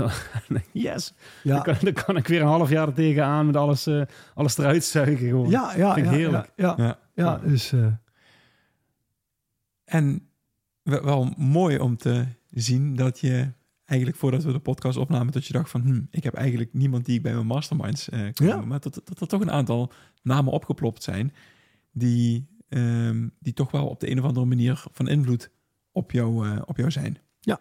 Ja. Ja. Eh, ehm, waar ik eigenlijk nog even naar, naar terug wilde gaan is, ehm, je had het over eh, Stephen Covey en, en over David Allen. Ja. En als we dan gaan kijken naar tijdwinst.com, zijn er aspecten die je vanuit hun gepakt hebt, die je mee geïntegreerd hebt in tijdwinst? Of hoe, hoe heb je tijdwinst zo vorm kunnen geven met de kennis die jullie nu hebben? Met de, er zit ook ervaring zit daarin natuurlijk. Maar hoe, hoe, is dat, hoe is dat eh, allemaal opgebouwd, om het zo maar te zeggen? En een van de vragen van, eh, van Roland was dan... wat zijn de drie basisgewoontes in relatie tot time management... die de meeste tijdswinst boeken? Ja. Ehm, dat is een, een, een, een opeenstapeling van vragen waarvan ik Ja, ja. niet weet of mijn brein dit gaat onthouden. Dus ik ga gewoon beginnen bij het begin. Ehm, hè, dus eh, denkers zoals David Allen, Stephen Covey. Kijk, hè, met tijdmanagement.com, we hebben een aantal weblogs op gebied van productiviteit. Bijvoorbeeld timemanagement.nl. En wat wij daarvoor interessant vinden is om juist te kijken naar allerlei methodes. Om te kijken wat kan ik daar uithalen, wat kan ik toepassen op mijn eigen leven. Ik denk dat iedereen dat wel doet. Als jij een boek leest, dan haal je er misschien twee, drie inzichten uit. En, en als, het, nou, als je een beetje geluk hebt, blijft er eentje blijft er hangen die je echt daadwerkelijk in je leven implementeert. En wat ik altijd interessant vind met dat soort ehm, denkers en, en nieuwe methodes om te kijken van hoe kan ik dit ook vertalen naar de Nederlandse ehm, eh, situatie. Want ja, Stephen Covey is, eh, is, echt, een, eh, is echt een Amerikaan. Mhm. David Allen is ook echt een, is, wel ehm, eh, hun manier van schrijven, daar zit wel, dat is wel doordrenkt van de Amerikaanse cultuur. Ja. Is ook vaak geschreven vanuit een andere, vanuit andere economie, ander speelveld. Eh, ehm, Amerikanen hebben een hele andere arbeidsethos. Amerikaanse arbeidsmarkt is veel, eh, daar, eh, zijn jouw rechten als werknemer zijn heel anders. Dus dat creëert ook andere denkers, eh, brengt dat voort en andere ja, ehm, ideeën over time management. Dat is niet zomaar 1, 2, 3 te vertalen naar Nederland toe. Mhm. Omdat we in het Nederlands ook redelijk veel kunnen polderen en dergelijke. En overleggen. En Ja, maar eh, kijk, in, in Amerika is het zo dat op het moment dat, dat, dat jij voor mij werkt en ik denk van ja, wacht even, maar nou ben je gewoon te ver gegaan. Dat is gewoon van eh, you're fired en dan is het gewoon zo. Terwijl in Nederland is het van ja, wacht even, maar hè, als iemand ehm, niet functioneert, moet je eerst een paar keer een gesprek met hem hebben. Dan moet je een, een, een dossier gaan opbouwen. Dan moet je daar een heel traject voor. eh, dan ben je misschien wel anderhalf jaar, twee jaar verder. Tenzij die gewoon echt een greep uit de kast doet of een, een collega op de billen tikt. Ja, dan, dan, dus dat brengt ook een hele, eh, een hele andere manier van denken over werk. Mhm. En eh, dus ook van met doelen stellen en dingen bereiken. Want op het moment dat jij dingen niet geregeld krijgt, dan kun je gewoon zo van de een op de andere dag kun je gewoon eruit vliegen. Ja. En mensen zijn daar ook bewust ervan. Eh, maar mensen hebben ook, het is ook heel normaal om naast je dayjob ook nog een, een tweede baan of een derde baan erbij te hebben. Dus, dus dat wordt vanuit die hoedanigheid geschreven met tips die passen in die praktijk en inzichten, maar die zijn niet allemaal toepasbaar op de, die zijn niet allemaal relevant in Nederland. Dus ik vind het Mhm. altijd interessant om te kijken van, hey, welke inzichten kan ik hier nou uithalen en hoe pas ik die toe en hoe, ehm, eh, want ik werk echt altijd met het multi-guru-principe. Hoe vertaal ik dit nou weer naar alle andere ideeën die ik verzameld heb en hoe maak ik daar weer wat, wat nieuws van? Want dat is wat mij betreft creativiteit. Je, je, je komt ideeën tegen, je laat die incuberen, je gaat erover nadenken, je gaat het toepassen, je gaat het proberen, je, gaat, je komt tot nieuwe inzichten en je knoopt allemaal die ideeën bij elkaar tot weer iets nieuws. Ja, dat, dat is voor mij waar creativiteit in essentie hè, gewoon om gaat. En ehm, ja, Stephen Covey, hè, daar heb ik heel veel interessante dingen uitgehaald. Eh David Allen ook. Maar ja, die boeken die heb ik twintig, eh, soms langer jaren geleden gelezen. Als je mij vraagt van, wat, eh, van welke dingen heb je daar precies uitgehaald? Ja, ik, zal er, ik kan er wel een paar noemen, maar, maar het, ehm, het is meer het proces wat Ja. belangrijker is dan, dan de feitelijke informatie die je uit hebt. Want er zit ook heel veel overlap tussen die twee boeken en ook andere boeken op gebied van time management. Ze zijn vaak ook niet origineel. Ze hebben wel vaak originele inzichten weer Mhm. of invalshoeken rondom een bepaald principe of inzicht. Dus dat zou eh, ook betekenen dat jouw vak, het leren van tijdmanagement, dat dat ook altijd een nieuw, een blijvend proces is, om het zo maar te zeggen. Zeker, het, ja. het is iets wat in 1999, toen jullie begonnen, dat dat anders en, en even onafhankelijk van welke tools je daar daadwerkelijk voor gebruikt. Hè? Want ja, in 1999 was Microsoft To-Do er nog niet. Ja. En Todoist zal er waarschijnlijk ook nog niet geweest zijn. Nee. Maar het is wel altijd een, eh, een, een, een continu veranderend iets. Ja, want hè, als je kijkt naar ehm, 1999, toen hadden heel veel mensen nog geen vaste internetconnectie thuis. Eh, e-mail, dat was nog helemaal geen ding. De meeste mensen hadden helemaal geen... Smartphones bestonden ook nog niet. Ja, precies. Hè, de meeste mensen gingen nog gewoon naar een bureau, naar een kantoor toe waar hun bureau stond, waar ze nog een typemachine hadden staan. Met een vaste telefoon. Ehm, met met zo'n met zo'n met zo'n haak erop, zodat je hem heel makkelijk op je schouder kon leggen. als je heel lange gesprekken had. Ja. Als je dat vergelijkt met nu, eh, dat is een totale andere eh, de techniek. Ja, hè. We denken ook anders over werk. Toen was het heel normaal dat je gewoon 40 uur werkte. Nu is het veel normaler om parttime te werken. Thuiswerken bestond toen niet, want je moest naar kantoor. Want daar stond je typemachine en daar stond zo'n hele oude computer. En daar had je gewoon hè, en je ordners en zo staan. Nu, nou, als jij je laptop openklapt, je kon gewoon overal werken. Dus de techniek is veranderd, hoe wij denken over werk. De mensen zijn veranderd. Dat was generatie eh, X. Nou, ondertussen zijn we bij generatie Z uitgekomen. Die denken ook heel anders over werk, hebben hele andere waarden. Dus, en dat vind ik nou juist zo, eh, zo mooi. Dezelfde inzichten zijn nog altijd van toepassing. Mhm. Alleen op een hele andere manier, met hele andere technieken, met hele andere... Want we hebben het nog altijd over inzichten als belang van overzicht. Alleen ondertussen zijn de mensen en de techniek en de, de samenleving, hoe wij denken over werk, is helemaal veranderd. Dus je kunt dat constant opnieuw uitvinden en het blijft. Ja, dat, dat vind ik gewoon echt interessant daaraan. ehm, om, om daar altijd naar op zoek te gaan. Ja, een vraagje wat niet op mijn lijstje staat. Maar, die, nee, nu bij- Nee, maar- nee, maar die nu bij me, bij me oplopt. Dat betekent dus ook in principe... Ik neem aan dat je op dit moment ook bezig bent met... hoe kunnen we AI gebruiken voor eh, time management... Of, of iets wat je in ieder geval in de toekomst waar je, waar je in ieder geval over na gaat denken. Ik ben, wij zijn wel bezig met AI, eh, maar ik zie het op dit moment echt als een hulpmiddel. Mhm. Ehm, ik, ik hoor nooit bij de early adopters die, die ehm, daar meteen inspringen en eh, gewoon puur vanuit time management oogpunt. Ik denk altijd van, ik zit wel bij de eerste golf. Mhm. Dat als andere mensen hebben uitgezocht wat het allemaal kan, dat ik dan kijk van oké, Ja, want dat eerste pionierswerk en alle kanten opschieten. Eh, en ik denk ook nu niet dat het op dit moment is waar het zou, ehm, eh, dat, het, dat het al is waar het zou moeten zijn. Maar ik vind het wel steeds interessanter worden. Oké. Als ik, eh, Roland heeft zo'n, ja, volgens mij gebruikt hij hem niet meer, die heeft een ag- eh, AI-gestuurde agenda gehad een tijdje. Oké.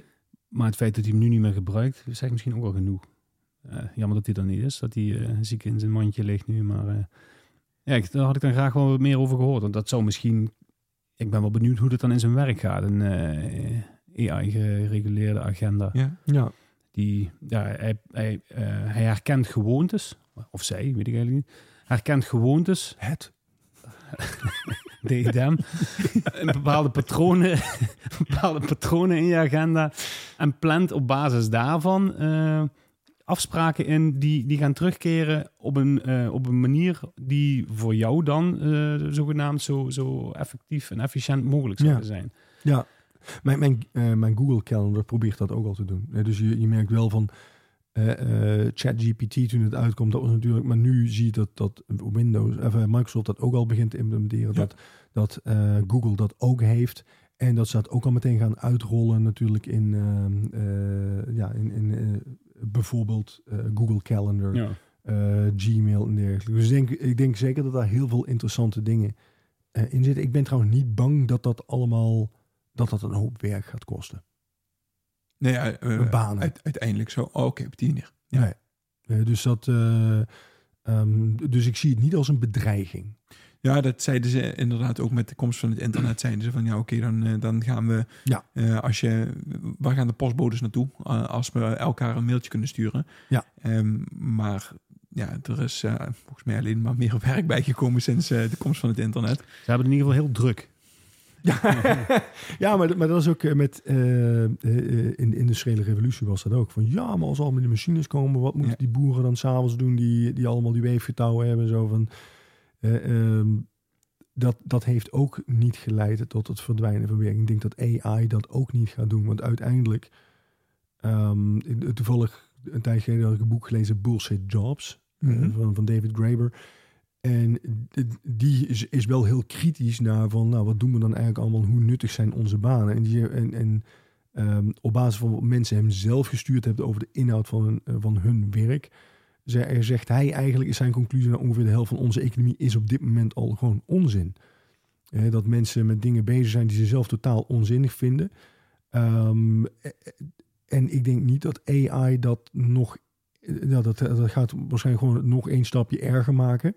Eh, maar allemaal die mensen moeten wel aan het werk. Want wij vinden gewoon allemaal dat, dat, dat wij ja, gewoon een basisinkomen en dat iedereen dan een gedeelte thuis blijft en niks doet.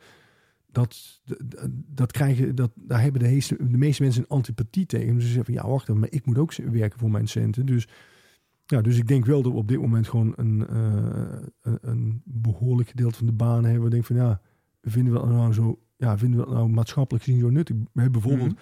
Postbodes, ja, die zijn er bijna niet meer. Ehm, dat vinden sommige mensen jammer, maar heel veel van die postbodes zijn allemaal pakketjes rond aan, aan het brengen. En die mensen die moeten 200 stops per dag maken, omdat jij en ik te lui zijn om gewoon even naar een winkel toe te gaan. Eh, eh, laten we allemaal, eh, ja, zijn we zo'n heel eh, pakketbezorgingsdienst aan het optuigen. Ehm, ja, is dat dan? eh, ja, dus de, de opkomst van het internet heeft gezorgd dat, dat die mensen nu ergens anders een baan hebben. Maar ja, eh, drones kunnen dat op een gegeven moment ook overnemen. Maar vinden we Mhm. dat dan hele nuttig? baan? Niks ten nadelen van die mensen. Maar ik vind dat, eh, zeker als we het hebben over duurzaamheid en wat dan ook. Ja, is dit dan heel duurzaam dat, dat de hele tijd die busjes rondrijden... ehm, eh, en dat die mensen zo gestrest hun werk moeten doen? Ja, ja. Ja, daar, eh, dat zijn vragen die je kan stellen. Misschien heeft AI daar een goed antwoord op. ik, weet het, ik, weet het, ik weet het ook niet. Dus eh, ja.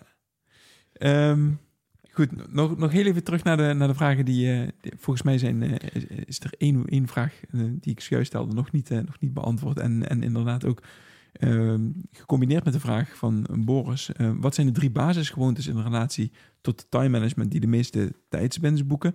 En eigenlijk is de vraag van Boris, welke vijf quick wins zou ieder ondernemer direct kunnen toepassen om eff- effectiever en efficiënter te kunnen werken? Volgens mij zijn die ehm, in, in één lijn. Ja, redelijk. En weet je, we zijn, wij zijn niet van de quick wins. Dat wil ik wel even benoemen. Hè. Ik zeg ook in het, eh, in het mooie intro-tuntje wat we hebben van... eh, ga ermee aan de slag en eh, probeer, er- probeer het uit. Kijk wat voor, wat voor jou van, eh, van toepassing is, dat soort zaken.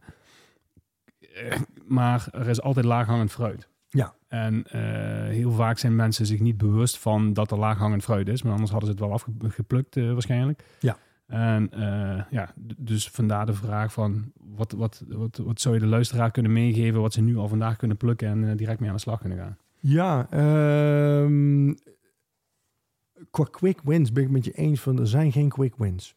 Ehm, ik denk dat, dat ik kan een paar tips geven van hoe kun je je werk slimmer organiseren. Ja. Maar ik vind ook qua, qua mindset, op het op het gebied van time management. Time management gaat van hoe denk je over werk en hoe organiseer je werk. Mhm. En als ik het heb over nou, hoe denk je over werk, wat ik dan bij, bij heel veel mensen zie, ehm, is dat ze, ehm, dat ze, eh, en zeker ondernemers, en zeker als je starter bent, is dat je blij bent met elke opdracht en, en dat je eh, overal als een blije puppy achteraan rent. Zo van, oh ja, oh, dit is een interessant idee, en dat is een interessant idee en die heeft me wat gevraagd en, en alles moet snel. Ehm, en je wil jezelf ook niet uit de markt prijzen ehm, hè, en je wil ook een goede naam voor jezelf opbouwen. Maar dat ik wel van, hey, probeer jezelf bewust te zijn van eh, snel, goedkoop en goed, dat gaat niet samen. Mhm. Hè, dat gaat hooguit ten koste van jezelf. Dus ren niet overal als, als een blije puppy achteraan. En als het snel en goedkoop moet, ja, dan, kan het, eh, dan kan het niet goed zijn. En als het eh, goed moet en goedkoop zijn, ja, dan, dan duurt het gewoon even. Maar als je die drie dingen probeert te combineren, dan gaat het ten koste van jezelf. Dus denk goed na over wat pak je allemaal aan. En eh, ook iedereen die je benadert, eh, heel veel mensen worden ondernemer. Eh, ehm, en omdat ze voor zichzelf willen werken. En dan gaan ze vervolgens, iedereen die wat vraagt, dat willen ze oppakken, gaan ze achteraan. En iedereen die zegt van ja, dat hebben we wel zo snel mogelijk nodig, die gaan ze proberen te pamperen. En voor het weet, werk je in plaats van voor één baas, werk je voor tientallen bazen Ah, tegelijkertijd. Ehm, en eh, iemand die zei ooit tegen me zo van, ja, eh, eh, sommige klanten die gun je je concurrenten van harte. en die is me altijd bijgebleven. Zo wat Ja. ik van, oh ja, inderdaad, zo van, dat hebben wij ook van, eh, ehm, nu toevallig ook een klant die ons deze week benaderde van, oh, we zitten met een probleem, on- een, een activiteit is uitgevallen en we willen over twee weken willen jullie graag als vervanger hebben, kan dat? En van, nou, wacht even, daar, daar hoeven we niet meteen heel snel op te reageren, we kunnen even gewoon rustig de tijd nemen. En als het voor een shit prijs moet op het laatste moment, nou, dan moeten we maar gewoon niet willen. Dan gaan we dat Ja. gewoon niet doen. Ja. Uh, dat er leggen, want ik zeg liever nee dan dat ik eh, en, en, en dat ik niet herinnerd word. En dat je ja zegt en dat je het fout doet en dat je je slecht herinnerd wordt. Ja, ja. Ehm, hè, dus, ehm, eh, en creëer voor jezelf ook, creëer voor jezelf dus ook een ru- beursruimte. Dus als een, een klant mij vandaag wat vraagt, van ja, oké, dan moet ik even uitzetten. Eh, weet je, ik kom daar uiterlijk, morgen kom ik daarop terug. Dus creëer voor jezelf ruimte om te kunnen scoren. Hè? Dus dat, een beetje pro- het principe van ehm, under promise en over deliver. Ja. Dat ik zeg van nou, ik kom er uiterlijk morgen op terug. En als ik dan vanmiddag al op terugkom, denk van, eh, die is snel. Hè? En die, maar, re- want er kan altijd iets anders tussendoor komen wat een hogere prioriteit heeft. Ja. En op het moment dat jij jezelf altijd het mes op de keel zit, zet, ja, dat, dan, dan kom je ook in die situatie dat alles dringend is en alles nu moet. En de meeste dingen die zijn helemaal niet dringend. Hè? Dat, ehm, de meeste dingen die kunnen best wel even wachten. Ik zie dat heel veel mensen dingen oppakken alsof ze dringend zijn, omdat ze bang zijn, gewoon puur dat ze ze anders gaan vergeten. Ja. Dat, is, dat, is gewoon, dat is gewoon het teken dat je geen goed systeem hebt. Hè? Of omdat de ander zegt dat ze dat zo snel mogelijk willen hebben. Durf gewoon die wedervraag te stellen. Wanneer heb je het uiterlijk nodig? Of waarom moet dat vandaag? Mhm. Ik ben vandaag druk. Ik wil daar best tijd voor maken. Maar eh, maakt het wat uit als ik je dat morgen aanlever? Dus eh, eh, een stukje mindset eh, op gebied van tijd en taken. Niet alles hoeft nu. Niet alles hoef je snel op terug te komen. Ook s'avonds. Realiseer je als jij s'avonds gaat reageren op mailtjes en berichten van klanten. Dan gaan ze dat ook van je verwachten. En de meeste mensen zitten niet te wachten op een snel antwoord. Die willen een goed antwoord. Maar als je eenmaal iets gezegd hebt of toegezegd hebt, dan kun je er ook niet meer op terugkomen.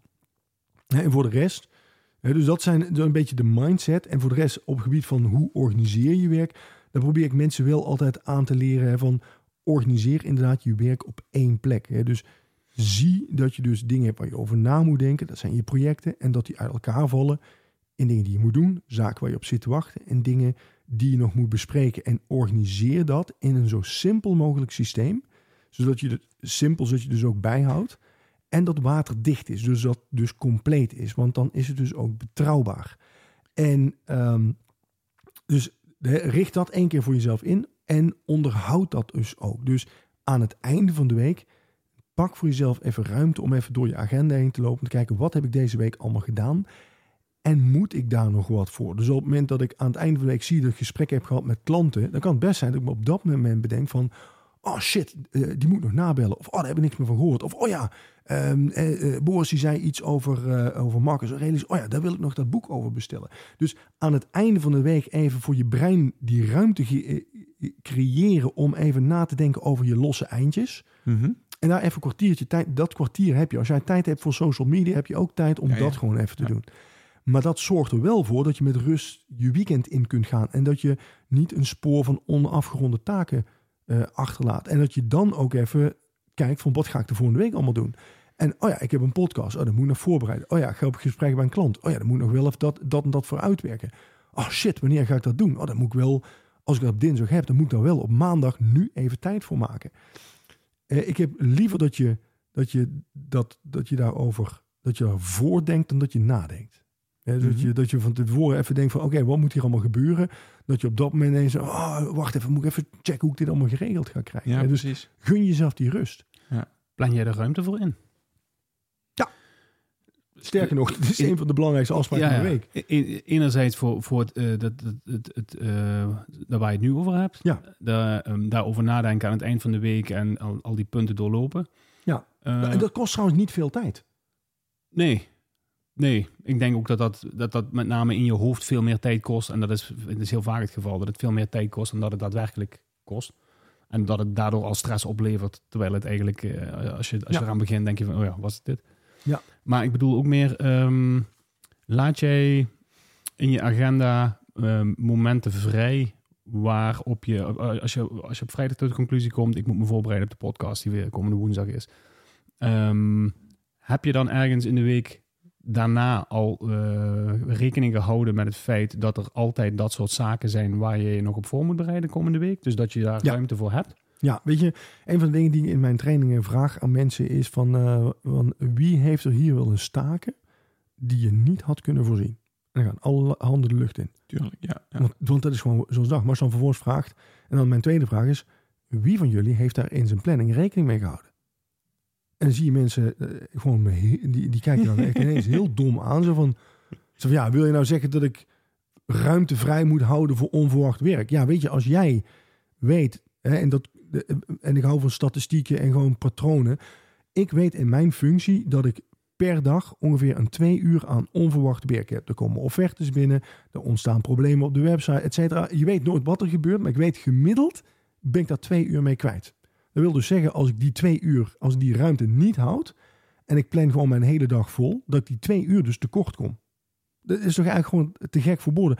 Thuis in je, in je, eh, in je maandelijkse uitgaven ga ik er ook vanuit dat je weet gewoon van oké, ik ben zoveel kwijt aan, aan mijn huren van mijn hypotheek, zoveel tijd aan dit en zoveel tijd aan eh, aan dat. Ik geef ongeveer zoveel 100 euro uit aan huishoudgeld. Hè, dat is niet. En ik heb 100 euro apart voor als, eh, als de wasmachine kapot gaat of dit of dat. En dat leg gewoon elke maand opzij. En op een gegeven moment ontstaat daar een potje zo van... Weet je, dus je hebt, die ruimte heb je gewoon nodig. Hm. Dus, dus ja, ik hou daar... eh, aan het einde van de week heb ik een kwartiertje tijd om even over mijn dingen na te denken. En, en te denken van wat is er allemaal geweest deze week en wat komt er aan. En ik hou elke dag hou gewoon zo'n twee uur ruimte in mijn agenda waarvan ik weet dat zich die dus vullen met dat soort dingen. En als ik ze, als ik het niet ruimte verhoud in mijn budget, want dat is eigenlijk waar je het over hebt, dan ga ik in het rood. Ja. In je tijdsbudget. Ja, maar dat, maar dat is eigenlijk, tijd is geld. Ja. Ik heb maar acht uur hè, op een dag. En als ik er negen vol plan, als ik daar voor negen uur aan werk op zet, dan, dan ga je dat dus al niet redden. Zonder dat je, tenzij je gewoon aan de kwaliteit eh, t- eh, iets gaat, gaat doen. Ja. Nou, daar word je misschien helemaal niet blij van. En in de praktijk ben je er 11 uur bezig. En misschien ben je er wel 11 uur mee bezig, omdat je gewoon eh, planning fallacy hebt. Hè, zoals eh, Daniel Kahneman dat, dat zegt. Van, nou, wij, wij schatten dingen veel te makkelijk in. Ehm, en dan hou je ook niet rekening met het feit dat er dus dingen gebeuren die je niet verwacht had. En dat, eh, ehm, ja, en dat als je dat een paar keer overkomt, dan moet je wel van leren. Ja, en dat, je benoemt nu het- mijn twee zwakke plekken bij elkaar. Het feit dat ik eh, en slecht inschat hoeveel tijd het me gaat kosten. Ik ben altijd zo, eh, oh, dat, dat lukt me wel binnen zoveel tijd. Ja. En dan gebeurt er altijd iets waardoor dat niet het geval is. Ja. En dan ga ik in het rood. En eh, ja, Ja, maar, maar dat is ook eentje. eh, ehm, als ik op, op ehm, wat ik mensen probeer aan te leren, en ik noem dat een mini-scrum, is als ze, als ze bijvoorbeeld een, een vaag idee hebben, dat is meestal een project, eh, dat je ehm, de, de, eh, eh, bijvoorbeeld, ehm, ik ga pas zeggen, nou, eh, simpel voorbeeld, iedereen waarschijnlijk herkent, ik had een student, die zei van ja, en ik moet dit jaar mijn scriptie schrijven. Oké, prima. En wat moet je daar nog allemaal voor doen? En ik keek hem aan, zo ja, wat bedoel je? Ik zeg, ja, weet je, het is niet zo dat jij dadelijk gewoon je laptop open klapt en begint te tikken. Want dat is wat, wat, waar ik aan denk als jij zegt scriptie schrijven. En zo stond het trouwens ook op zijn taaklijst, hè? scriptie schrijven. Ja, wacht even, maar hoeveel uur werk gaat daarin zitten?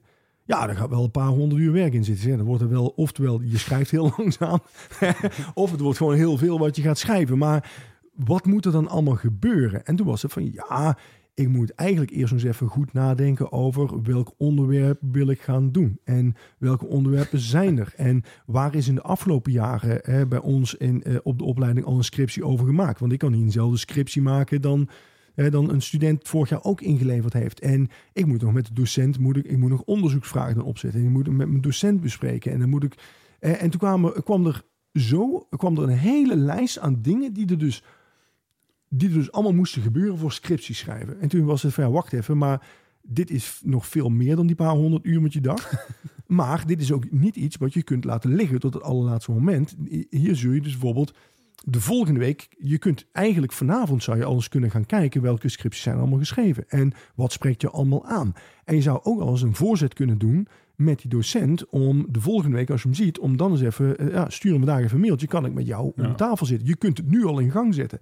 Dus, en door, het, door erover na te denken van, oké, wat houdt dat nou precies allemaal in om het in stukken te hakken, dan wordt het meteen al een stuk realistischer over hoeveel tijd gaat daarin zitten. Ja. Hey, ik had dat, eh, en zelfs in mijn eigen werk merk ik dat dat nog altijd een uitdaging is als ik niet aan het einde van de week even een momentje pak om na te denken over, oké, wacht even, wat heb ik de volgende week opstaan? Want dan kan het zijn dat bijvoorbeeld, ik heb de volgende week een, een eh, ga ik een instructievideo opnemen over Microsoft To Do. En dat staat dus op mijn lijstje als oh, instructievideo opnemen. En dat is nog hartstikke vaak. En dat is helemaal prima Mhm. dat ik dat dus uit mijn hoofd gehaald heb, opgeschreven heb als een soort van, ah fuck, daar moet ik nog over nadenken dingetje. Een soort Maar van project. Maar op het einde van de week moet ik dat dus wel gewoon ontrafelen en bedenken van, oké, wacht even, maar wat wil ik nou precies bereiken? Dus hoe ziet dit er afgerond uit? Nou, Mhm.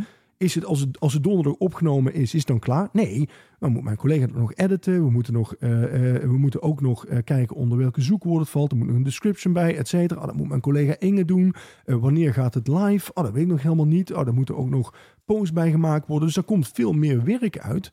En dat is helemaal niet erg. Het is niet om me te demotiveren. Zo van, nou, net voor het weekend hè, ga, ik, ga ik nou eens even ga ik mezelf nog drukker maken. Maar als ik over als ik de volgende week dat ga opnemen, dan wil ik niet daar de volgende week staan en denken van, oh, kak, een script. Eh, oh, wacht, hoe werkt het ook alweer? Oh, eh, dan wil ik daar niet over nadenken. En dan wil Mhm. ik dan ook niet eh, nog nadenken over, ja, maar hoe gaan we dit eigenlijk inzetten in onze artikelen en dergelijke? En, en wie maakt hier dan een leuke reel over? En die dingen, daar zou ik dus wel even over nagedacht moeten hebben, zodat Ja. ik ze op, op tijd bij de juiste personen kan uitzetten. Maar ook dat ik dus denk van, het is niet alleen maar dat ik de volgende week donderdag een half uur, een halve dag nodig heb om het op te nemen, maar dat ik dus ook dinsdag dus even echt ruimte moet maken om dit uit te werken. En dat die ruimte voorgaat op andere dingen die mensen van mij willen. Want als ik nu niet die ruimte maak en ik pak dinsdag ander werk aan, dan blijft dat dus liggen. En kan ik dus donderdag kan ik dus niet die video opnemen. Dan schuif dat weer door. En dat is waar ik, waar ik zie dat mensen in de drukte van alle dag,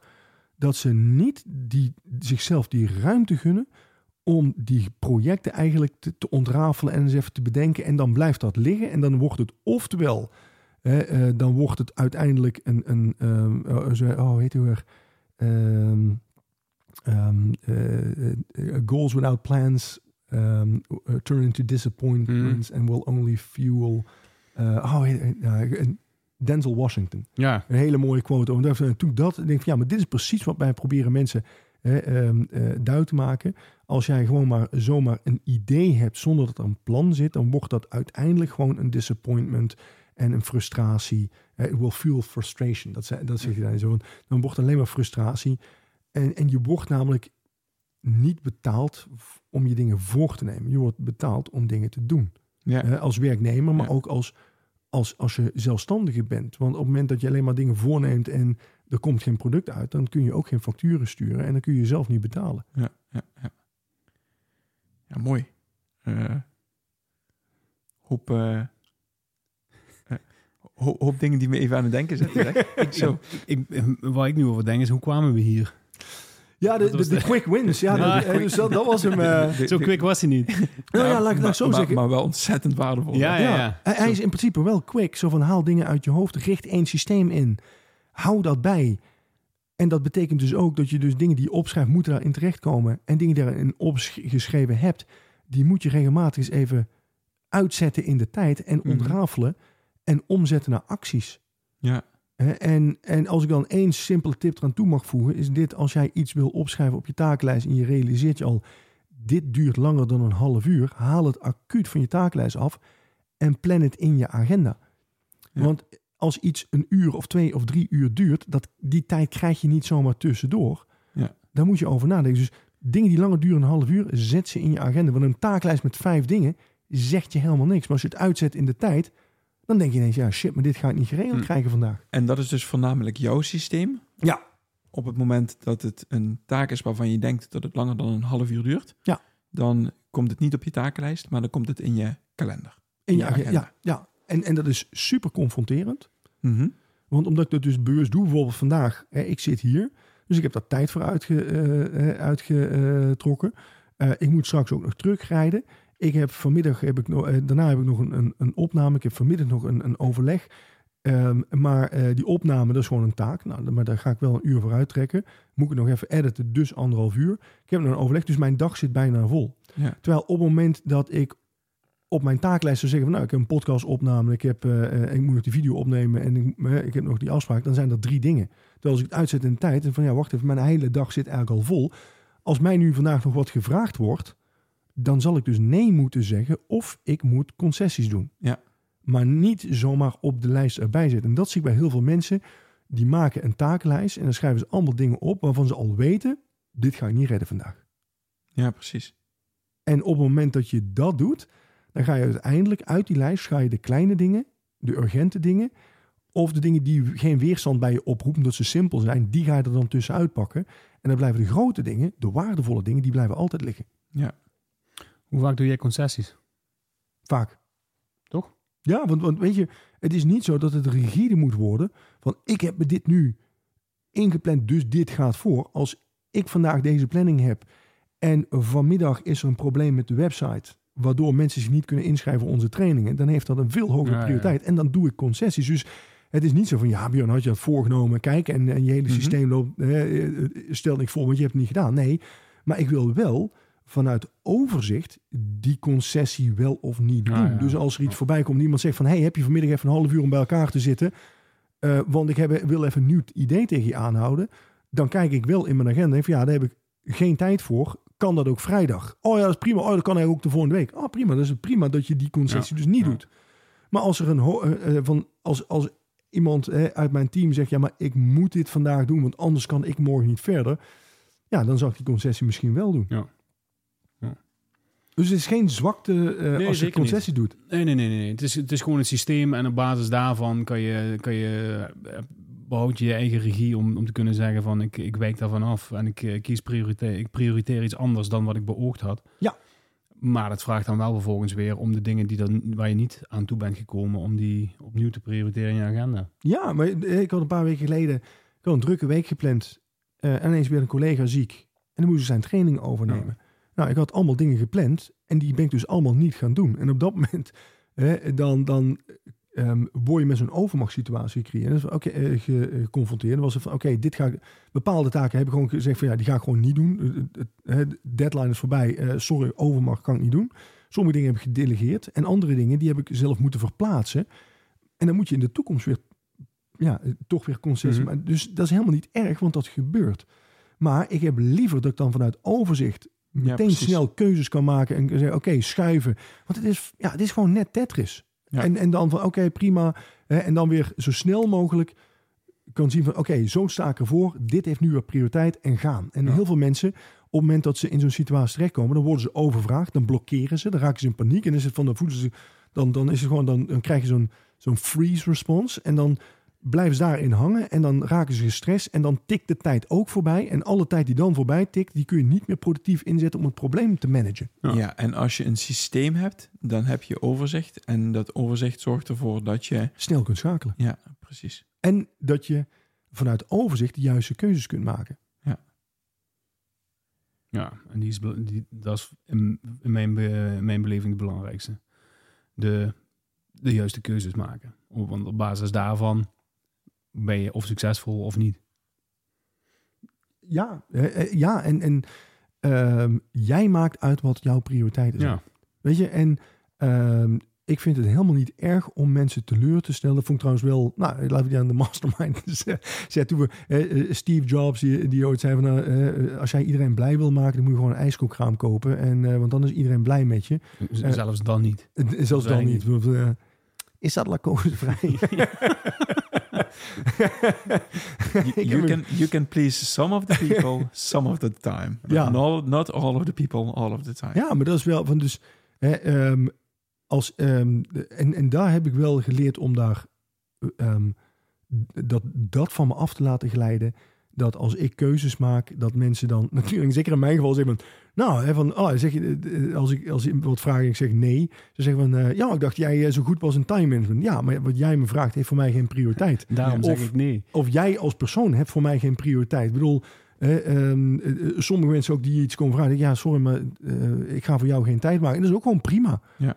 En dat, dat zeg je misschien niet zo, maar het is gewoon prima om dat te denken. Ehm, met bepaalde klanten ook. Van, nee, sorry, daar heb ik gewoon geen tijd voor. Ehm, om die keuzes te maken, dat is gewoon prima.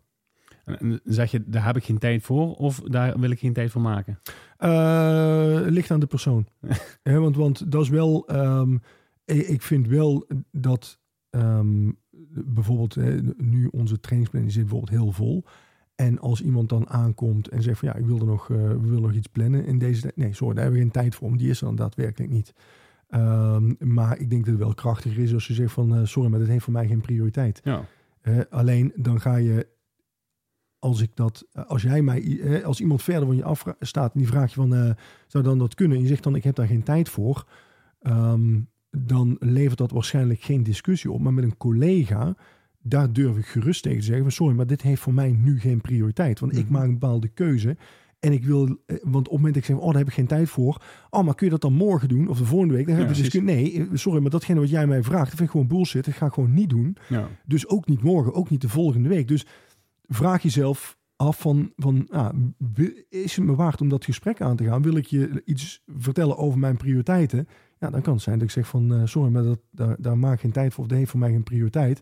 Wil ik gewoon van je af zijn? Dan kan het best zijn eh, dat ik zeg van, inderdaad, nee, daar, daar heb ik geen tijd voor, helaas. Ja. Goeie.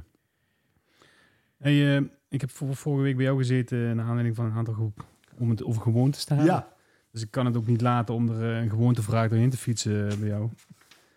Ehm, en mijn vraag was, welke gewoontes op het gebied van time management zou iedere ondernemer volgens jou moeten implementeren in zijn of haar dag, dagdagelijkse routine? Ehm, houd je hoofd leeg.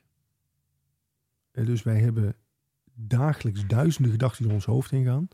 Houd je hoofd leeg. Je hoofd is niet bedoeld om aan dingen te denken, maar om over dingen na te denken. Dus houd je hoofd leeg. Ehm, schrijf dingen zoveel mogelijk van je af. En zorg dat die dingen die je van je afschrijft, dat je daar regelmatig naar kijkt. Om te beoordelen wat is dit en wat moet ermee gebeuren. En zorg dat dat in je systeem terechtkomt. Ik denk dat dat, dat, dat gewoon een hele hoop rust geeft. Ja, Dat is, eh, het, het, het klinkt mij als journalen. En dat eh, Ja. komt hier regelmatig terug. Ja, het is, het is de rode draad bij ons. Het is eh, dingen op, uit je hoofd op papier zetten. Is zo'n krachtige tool om, te, om, te, om te gebruiken. Enerzijds om, je, om, die, om die bandbreedte in je hoofd weer te genereren. Hè. Ja. Precies wat je zegt. Je, je, bent, je brein is gemaakt om creatief te zijn en niet om dingen op te slaan. En je kan pas creatief zijn op het moment dat je, dat je hoofd leeg is. Ja. En ehm, ja, door, door regelmatig eh, te- terug te kijken naar wat je, wat je hebt geschreven, ga je patronen leren herkennen en je gaat jezelf beter leren kennen. En je, je gaat je denkwijze zien. En eh, ja, op basis daarvan eh, ga je bewustere keuzes maken. En ga je gewoon. ehm, je, je- weet hoe je, hoe, je jezelf denkt en je gaat jezelf betrappen op, op, op, patronen die vaak niet dienend voor je zijn. En als, je, als je ziet, als je kunt teruglezen eh, hoe je denkt, dan pas dan word je er bewust van en kun je pas andere keuzes gaan maken. Zeker, maar, maar ook gewoon op elementair niveau van alle dingen die je op een dag binnenvallen. En denk, oh, dat moet ik nog doen. Oh, dat moet ik nog gaan. Ja. Haal die uit je hoofd. En ge- gebeurt dat bij jou? Dus op het moment, hè, er zijn waarschijnlijk een aantal dingen die in jouw hoofd, ik vul even in hè. Ja. Er zijn een aantal dingen in dit gesprek waarbij je zoiets hebt van, ah, dat vind ik nog wel interessant om daar eens naar te kijken. Of eens een keer, Ja. ehm, na deze podcast gaan die in jouw eh, Ja. to-do-list of in jouw, eh systeem, laten we het eventjes in jouw systeem eh, houden. En dat zorgt ervoor dat het dus uit je hoofd is en in je systeem staat. Ja, wat ik, wat ik, wat ik structureel doe, is ik heb altijd één klapblok. Mhm. Daar schrijf ik een hele dag op. En op het eind van de dag scheurt die blaadjes er vanaf. Oké. En dan alles wat daar staat, moet verwerkt worden in mijn systeem. Ah, oké. Hè, ehm, gedurende dag schrijf ik soms dingen op van eh, die bijvoorbeeld eh, een naam hè, van, eh, van Marcus Aurelius. hè, en dan weet ik nu. Hè, van, dan is vaak van, oh, dan schrijf bijvoorbeeld een naam op. Of iemand heeft je gebeld. Zeg van, oh, even, die vragen een offerte. Schrijf ik even kort wat steekwoorden. Schrijf ik op wat ik moet doen. Ehm, ik heb me aangewend om maar één klopblok te hanteren. En om die dagelijks leeg te maken. Waarom? Dan weet mijn brein van, oké, alles wat je vandaag verzameld hebt, staat daar. Mhm. En aan het einde van de dag nemen we alles een besluit. En dan kan het dus best zijn van, oh ja, Marcus Aurelius, oh even ehm, eh, eh, dat boek bestellen ehm, bij, bij bol.com. En dat is een actie. Of ehm, eh, die offerte, oké, wacht even, even voor morgen even een half uurtje uitplannen. En even de aantekeningen die ik nu gemaakt heb. Want dat zijn vaak gewoon steekwoorden die nu, waar ik nu de context nog van weet, maar Ja. die morgen hun context verloren hebben. Oké, die zet ik er even bij. En dat kost geen tijd. Het is gewoon een routine. Van ik schrijf het op één plek op en op het eind van de dag moet die leeg zijn. Dus ik schuur dat dan ook eraf en daarna dan gaat dat in de prullenbak. Ehm, en dat is een vaste verzamelplek. Plus ik heb een app geïnstalleerd die heet BrainTos. En eh, dat is eigenlijk een, een, een klapblokje, dicteerfunctie en fotocamera in één. En als mij wat eh, in mijn vrije tijd binnenvalt of na bijvoorbeeld een gesprek en ik stap de auto in, dan eh, spreek ik even de dingetjes in of ik typ ze even snel die ik dus uit iets meeneem en niet wil vergeten. En dan druk ik op send en gaat dat naar mijn mailbox. En mijn mailbox is ook zo'n verzamelplek die ik op het eind van de dag leeg maak. Want ja, eh, elke mail, eh, of hij kan weg, of hij kan het archief in, of het wordt een taak. Maar ik wil wel aan het eind van de dag maar één keer bedenken, wat is die taak dan? Ja, en niet precies. tien keer. Eh, en, en hoe langer je dingen laat liggen, dan verliezen ze hun context. Mhm, mhm. En ik heb dat wel eens gezien bij mensen die bijvoorbeeld... eh, ik heb ook een keer meegemaakt met een installateur. Die kwam bij mij voor een offerte te maken voor, eh, voor onze aircon. Die kwam aanzitten met zo'n klapblok. Die gewoon al, allemaal, allemaal helemaal... ehm, eh, die, die al heel lang in gebruik was. En die ook al helemaal... De kanten waren, stonden helemaal omhoog en zo. Dus aan, aan, de, aan de bovenkant, daar was hij 1 centimeter dik. En de onderkant was hij 3 centimeter dik. Zo, zo'n klapblok. En die was allemaal dingen op aan schrijven. En, en in ons gesprek werd hij twee keer werd hij gebeld. En was zo, ah, dat moet ik even aannemen. En dan hoorde ik van het ging over een andere opdracht en over een of andere storing, zo wat er was. En toen zei ik ook na het gesprek, zei, oh, schrijf maar even op, eh, eh, ik wacht wel even. En van, nee, nee, nee, ik onthoud het allemaal in mijn hoofd. Nou, die ging vervolgens ging die weg eh, om dus eh, met allemaal de aantekeningen. En die offerte, een week later had ik ze nog niet. Terwijl die, die week, dat zou, hij zou dat vandaag of morgen doen. Dan heb ik er achteraan gemaild. Daar heb ik geen reactie op gekregen. Week later nog een keer gedaan. En uiteindelijk een mailtje van jongens, luister, laat maar. En toen belde hij op. Ja, sorry, we hebben het heel druk gehad. En eh, eh, onder de geen één. En, eh, maar vandaag krijg je hem.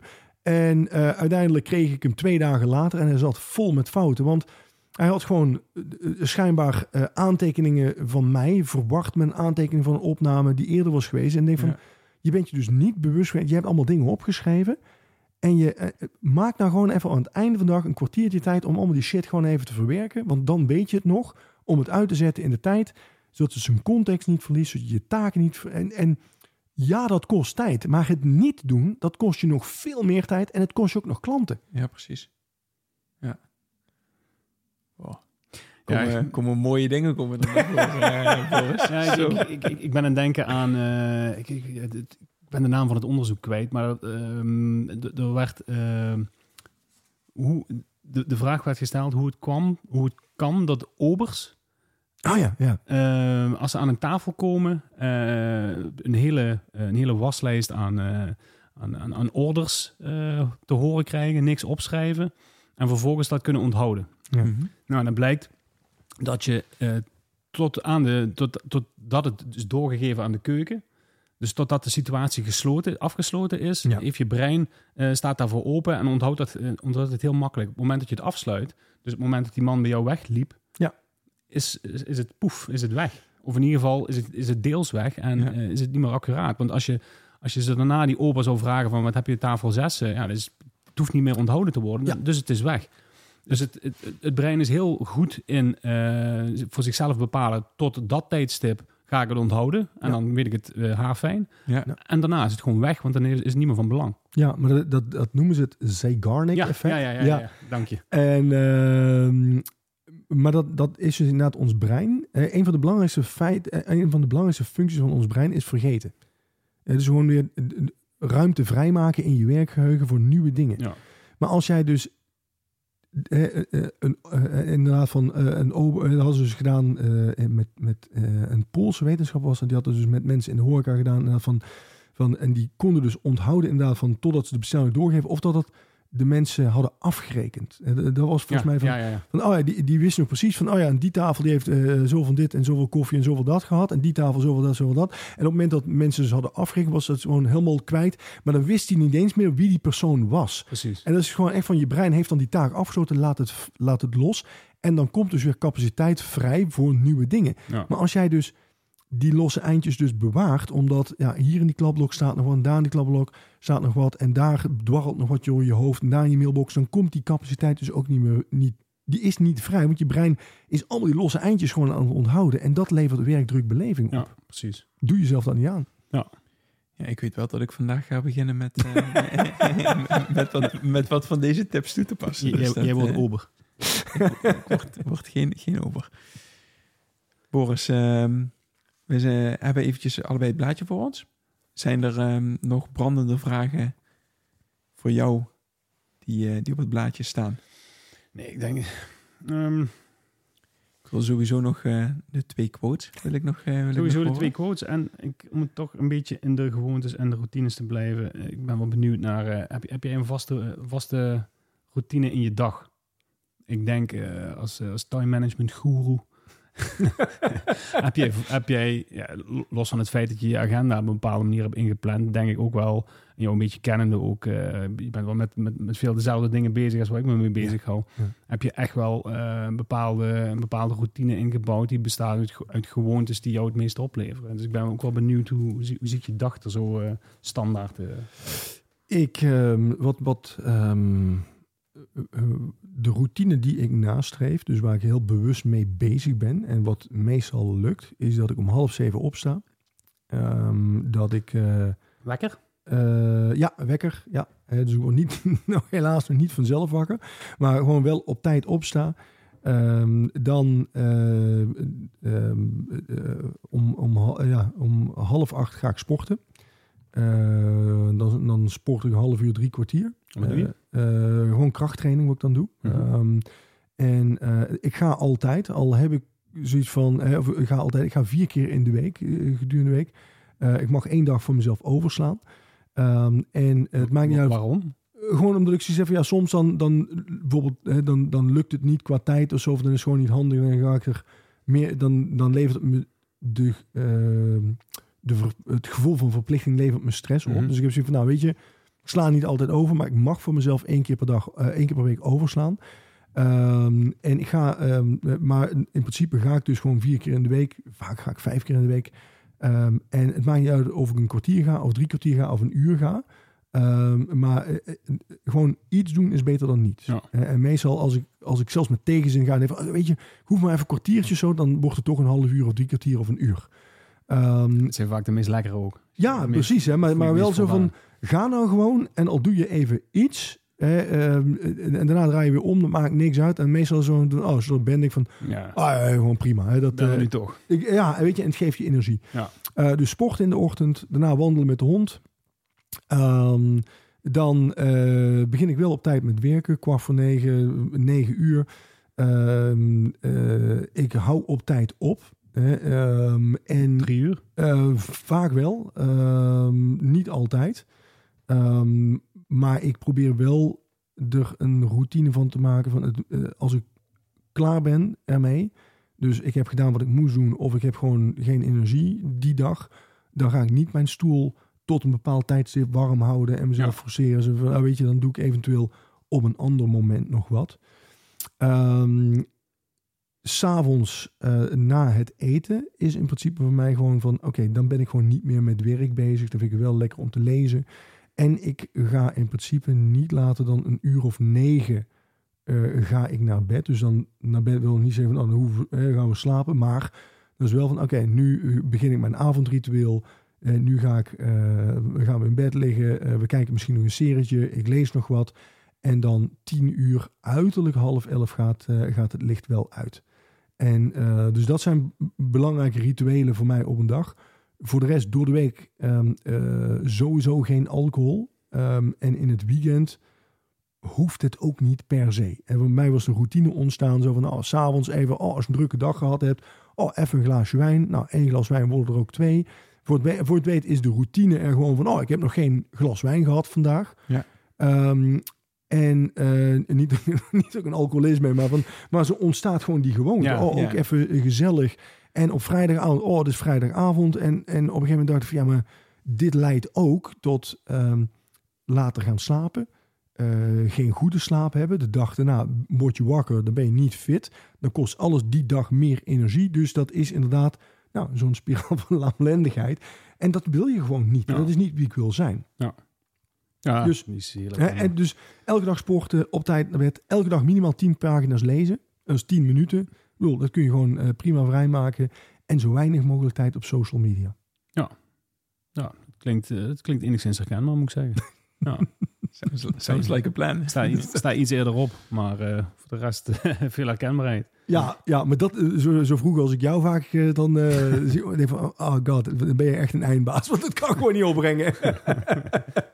Nou ja, dat, dat is natuurlijk ook een verhaal dat je jezelf vertelt. Als je, als je daar een gewoonte van maakt, dan, eh, dan weet je op een gegeven moment ook niet beter. Tenminste, het, het is niet voor iedereen. Ik zeg niet dat het voor iedereen is weggelegd natuurlijk, maar ook, ook daar wen je aan. En wat, wat ik ervaren heb zelf, is dat ik het op mijn energiekst ben op het moment dat ik, eh, dat ik vroeg uit de veren ben. In de meeste gevallen heel vroeg uit de veren ben.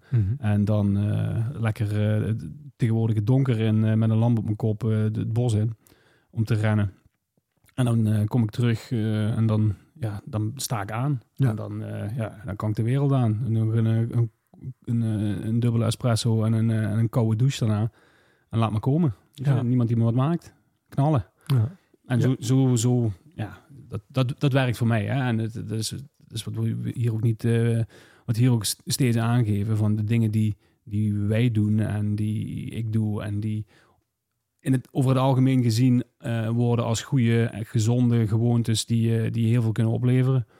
Ja, dat zou zomaar kunnen zijn dat die niet bij jou als persoon passen, dat het niet resoneert. Maar ga er, ja, test het uit. En haal er de dingen uit die eh, bij jou van toepassing zijn. En eh, ga kijken wat, eh, wat voor jou werkt. En bouw dat in je, in je routine. Ja. En als ik jou zo, als ik het, het, het geheel een beetje mag samenvatten, dan denk ik dat het stuk time management daar ook voor een heel groot deel uit bestaat. Ja, Een stukje routinematig al je agenda voorprogrammeren. Net zoals je jezelf voorprogrammeert op een bepaalde manier, zodat het je eigenlijk geen energie meer kost om te doen wat er toe doet. En de juiste dingen doen elke dag. Ja, ja 100% dat, dat, eens. dat ja. leidt tot, eh, tot eh, succesvol en een gelukkig leven leiden. Ja, maar, maar vooral van dat het je geen energie meer Ja. kost om dingen op een bepaalde manier te doen. Ehm, time management en, en ook dit soort gewoontes, het is niks anders dan een verzameling van goede gewoontes waar je bewust een keuze voor gemaakt hebt om ze op een bepaalde manier uit te voeren. Ja. Eh, dus eh, ja, ehm, eh, ehm, is het leuk om elke dag heel vroeg op te staan? Nee, dat is zeker niet leuk. Maar als jij bewust gekozen hebt dat je daar energie van krijgt en dat je gemerkt hebt van nee, maar dit werkt voor mij, Mhm. dan moet je jezelf ook gewoon eh, gunnen dat je daar tijd in gaat investeren. Ehm, en dat je er moeite voor doet. Ah, En sterker nog, bij mij, ik, ik, ik denk niet na of het, eh, of het, eh, Nee. of het prettig is of niet. Het, het, het is zo, dit, dit is mijn leven. Ja. En het, in het begin is dat, eh, is dat, dat, je, dat, dat je je bewust over, over pijnst en dat je erbij Ja. bij stilstaat van is dit wat ik wil. Maar na een bepaalde tijd, ja, dan, dan, is, dan is het wat het is en eh, dit, is, dit is hoe ik... eh, Is het onderdeel van jezelf? ja, ja, Ja. precies. En dat is het onderdeel van mijn identiteit. Ja. En ja, dat is, dat is waar je naartoe wil. Want op het moment dat het onderdeel van je identiteit is, hoef je er niet meer over na te denken en kost het je geen energie meer. Maar, maar ook eh, van kritisch blijven naar die gewoontes. Zeker. Mhm. Want eh, we hadden net erover, eh, aan het begin van het gesprek over, ja, dingen veranderen. Hè. We zijn allemaal anders geworden, de samenleving is anders geworden. Dus gewoontes die ooit zinvol waren, zijn dat misschien nu niet meer. Ehm, dus snel reageren, vaak je mail checken, et cetera. Ja, als jij er maar drie op een dag krijgt, ja prima. Krijg je er dertig op een dag, ja, dan trekt het je hele, dan, dan maakt het je heel reactief.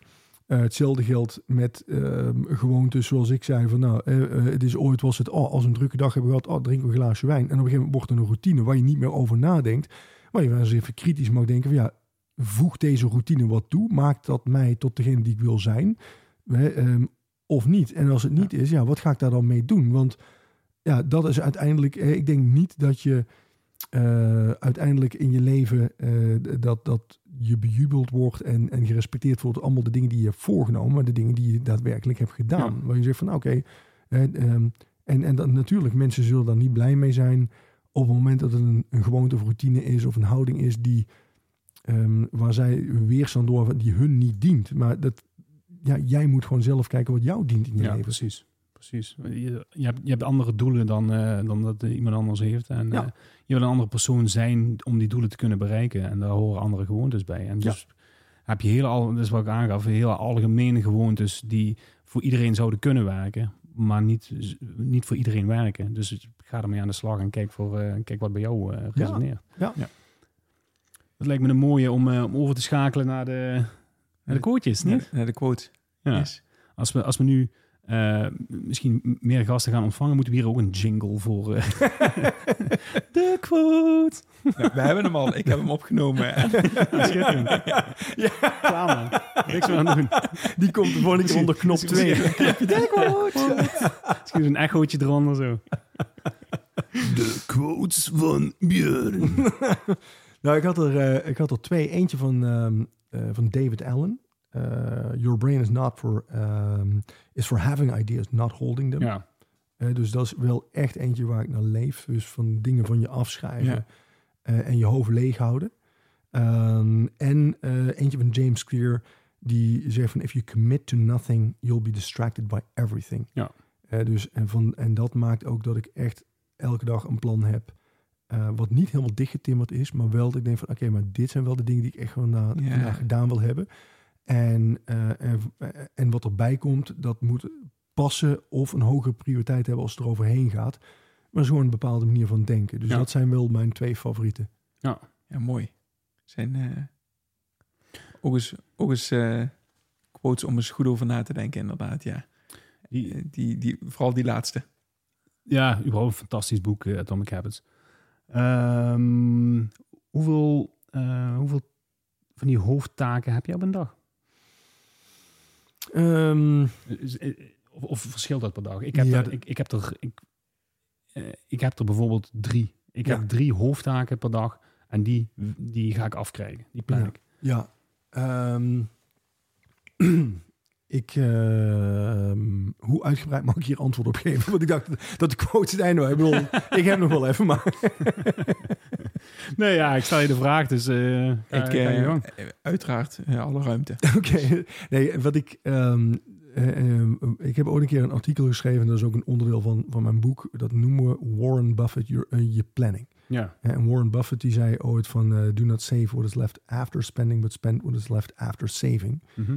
En eh, dat probeer ik dus, hè, dat, dat, ik zei zo straks al, had ik het even over geld. Eh, je weet gewoon ehm, maandelijks van hoeveel komt er binnen. En je weet ook wat zijn mijn vaste lasten. Hè, dus eh, je hypotheek en, en je verzekeringen. En wat zijn ehm, budgetten die je moet houden. Bijvoorbeeld, eh, voor uitgaan en voor, voor eten en voor kleding. Daar heb je een bepaald budget voor. Plus ik moet nog een potje hebben voor, ja, als, als eh, when shit hits the fan. Ehm, en toen ben ik gaan kijken naar mijn eigen planning. En toen kwam ik ook achter van ja, heel veel dingen die komen bij mij dagelijks, wekelijks, maandelijks terug. Dus ik heb eh, elke week heb ik met een paar mensen heb ik een overleg.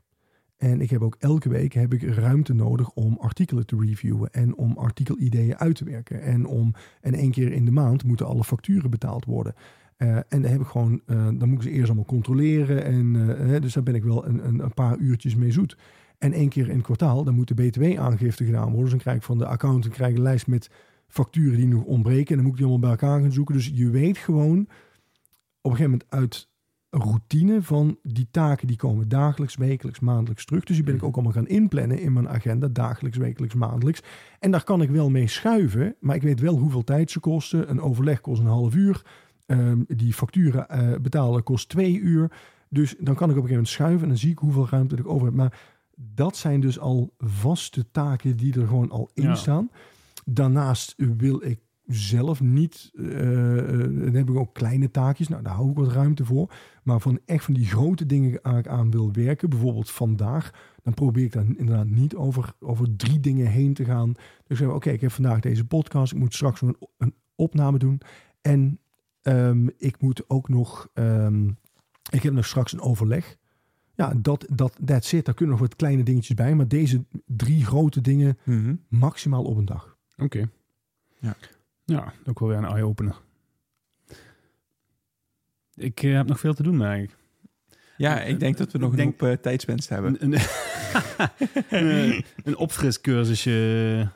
Ja, Nee, ik, ik, ik, ik ben, eh, eh, om, om weer helemaal eh, rond te trekken, ik ben, eh, ik ben heel lang eh, in, in het, het patroon van eh, de, de, de cursus eh, time management, of de training time management blijven hangen. En eh, heb daar heel, heel lang eh, zoveel mogelijk uitgehaald. Maar ik merk dat het verwaterd is. En je, boek heeft weer, heeft weer een aantal dingen doen, eh, doen oprakelen. Ik heb zelfs het notitieboekje van, van destijds nog uit de kast weten te trekken en daar nog mijn aantekeningen uit weten te, uit, uit weten te halen.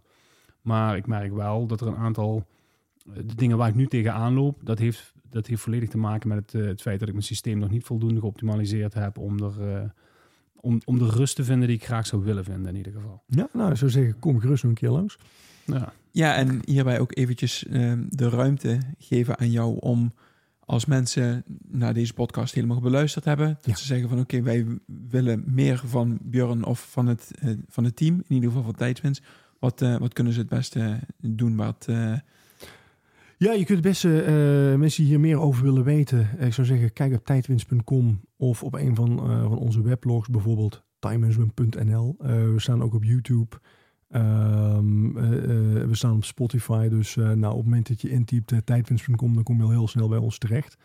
En uiteraard, ja, we geven trainingen. Maar de meeste mensen die, die komen gewoon naar onze weblogs om daar ja, die gratis inzichten en tips te krijgen. Maar uiteraard zijn ze ook van harte welkom om een keer aan te sluiten. Dus even, nou, dit is me allemaal te veel gedoe en ik wil het gewoon echt zien hoe je dat moet inrichten. Nou, eh, schrijf dan gewoon aan bij een training, individueel of met je team. Oké, nou dan wil ik jou ontzettend bedanken dat je bij ons wou aanschuiven. Heel graag gedaan en ontzettend leuk eh, om er vandaag bij te mogen zijn. Dus eh, dank voor de uitnodiging. Oké, tof dat je er was, man. Leuk. Leuk. oké. Groetjes en tot, de tot de volgende keer. Daarbij. Dat was de podcast van deze week. Als jij deze podcast waardevol vindt, like onze podcast. Deel het in je socials en tag ons middels Optimizers Academy. Zo draag je bij dat meer mensen ons weten te vinden. Maak het je missie om iemand anders leven te optimaliseren. We waarderen het enorm dat je naar ons luistert en wensen je een geweldige dag.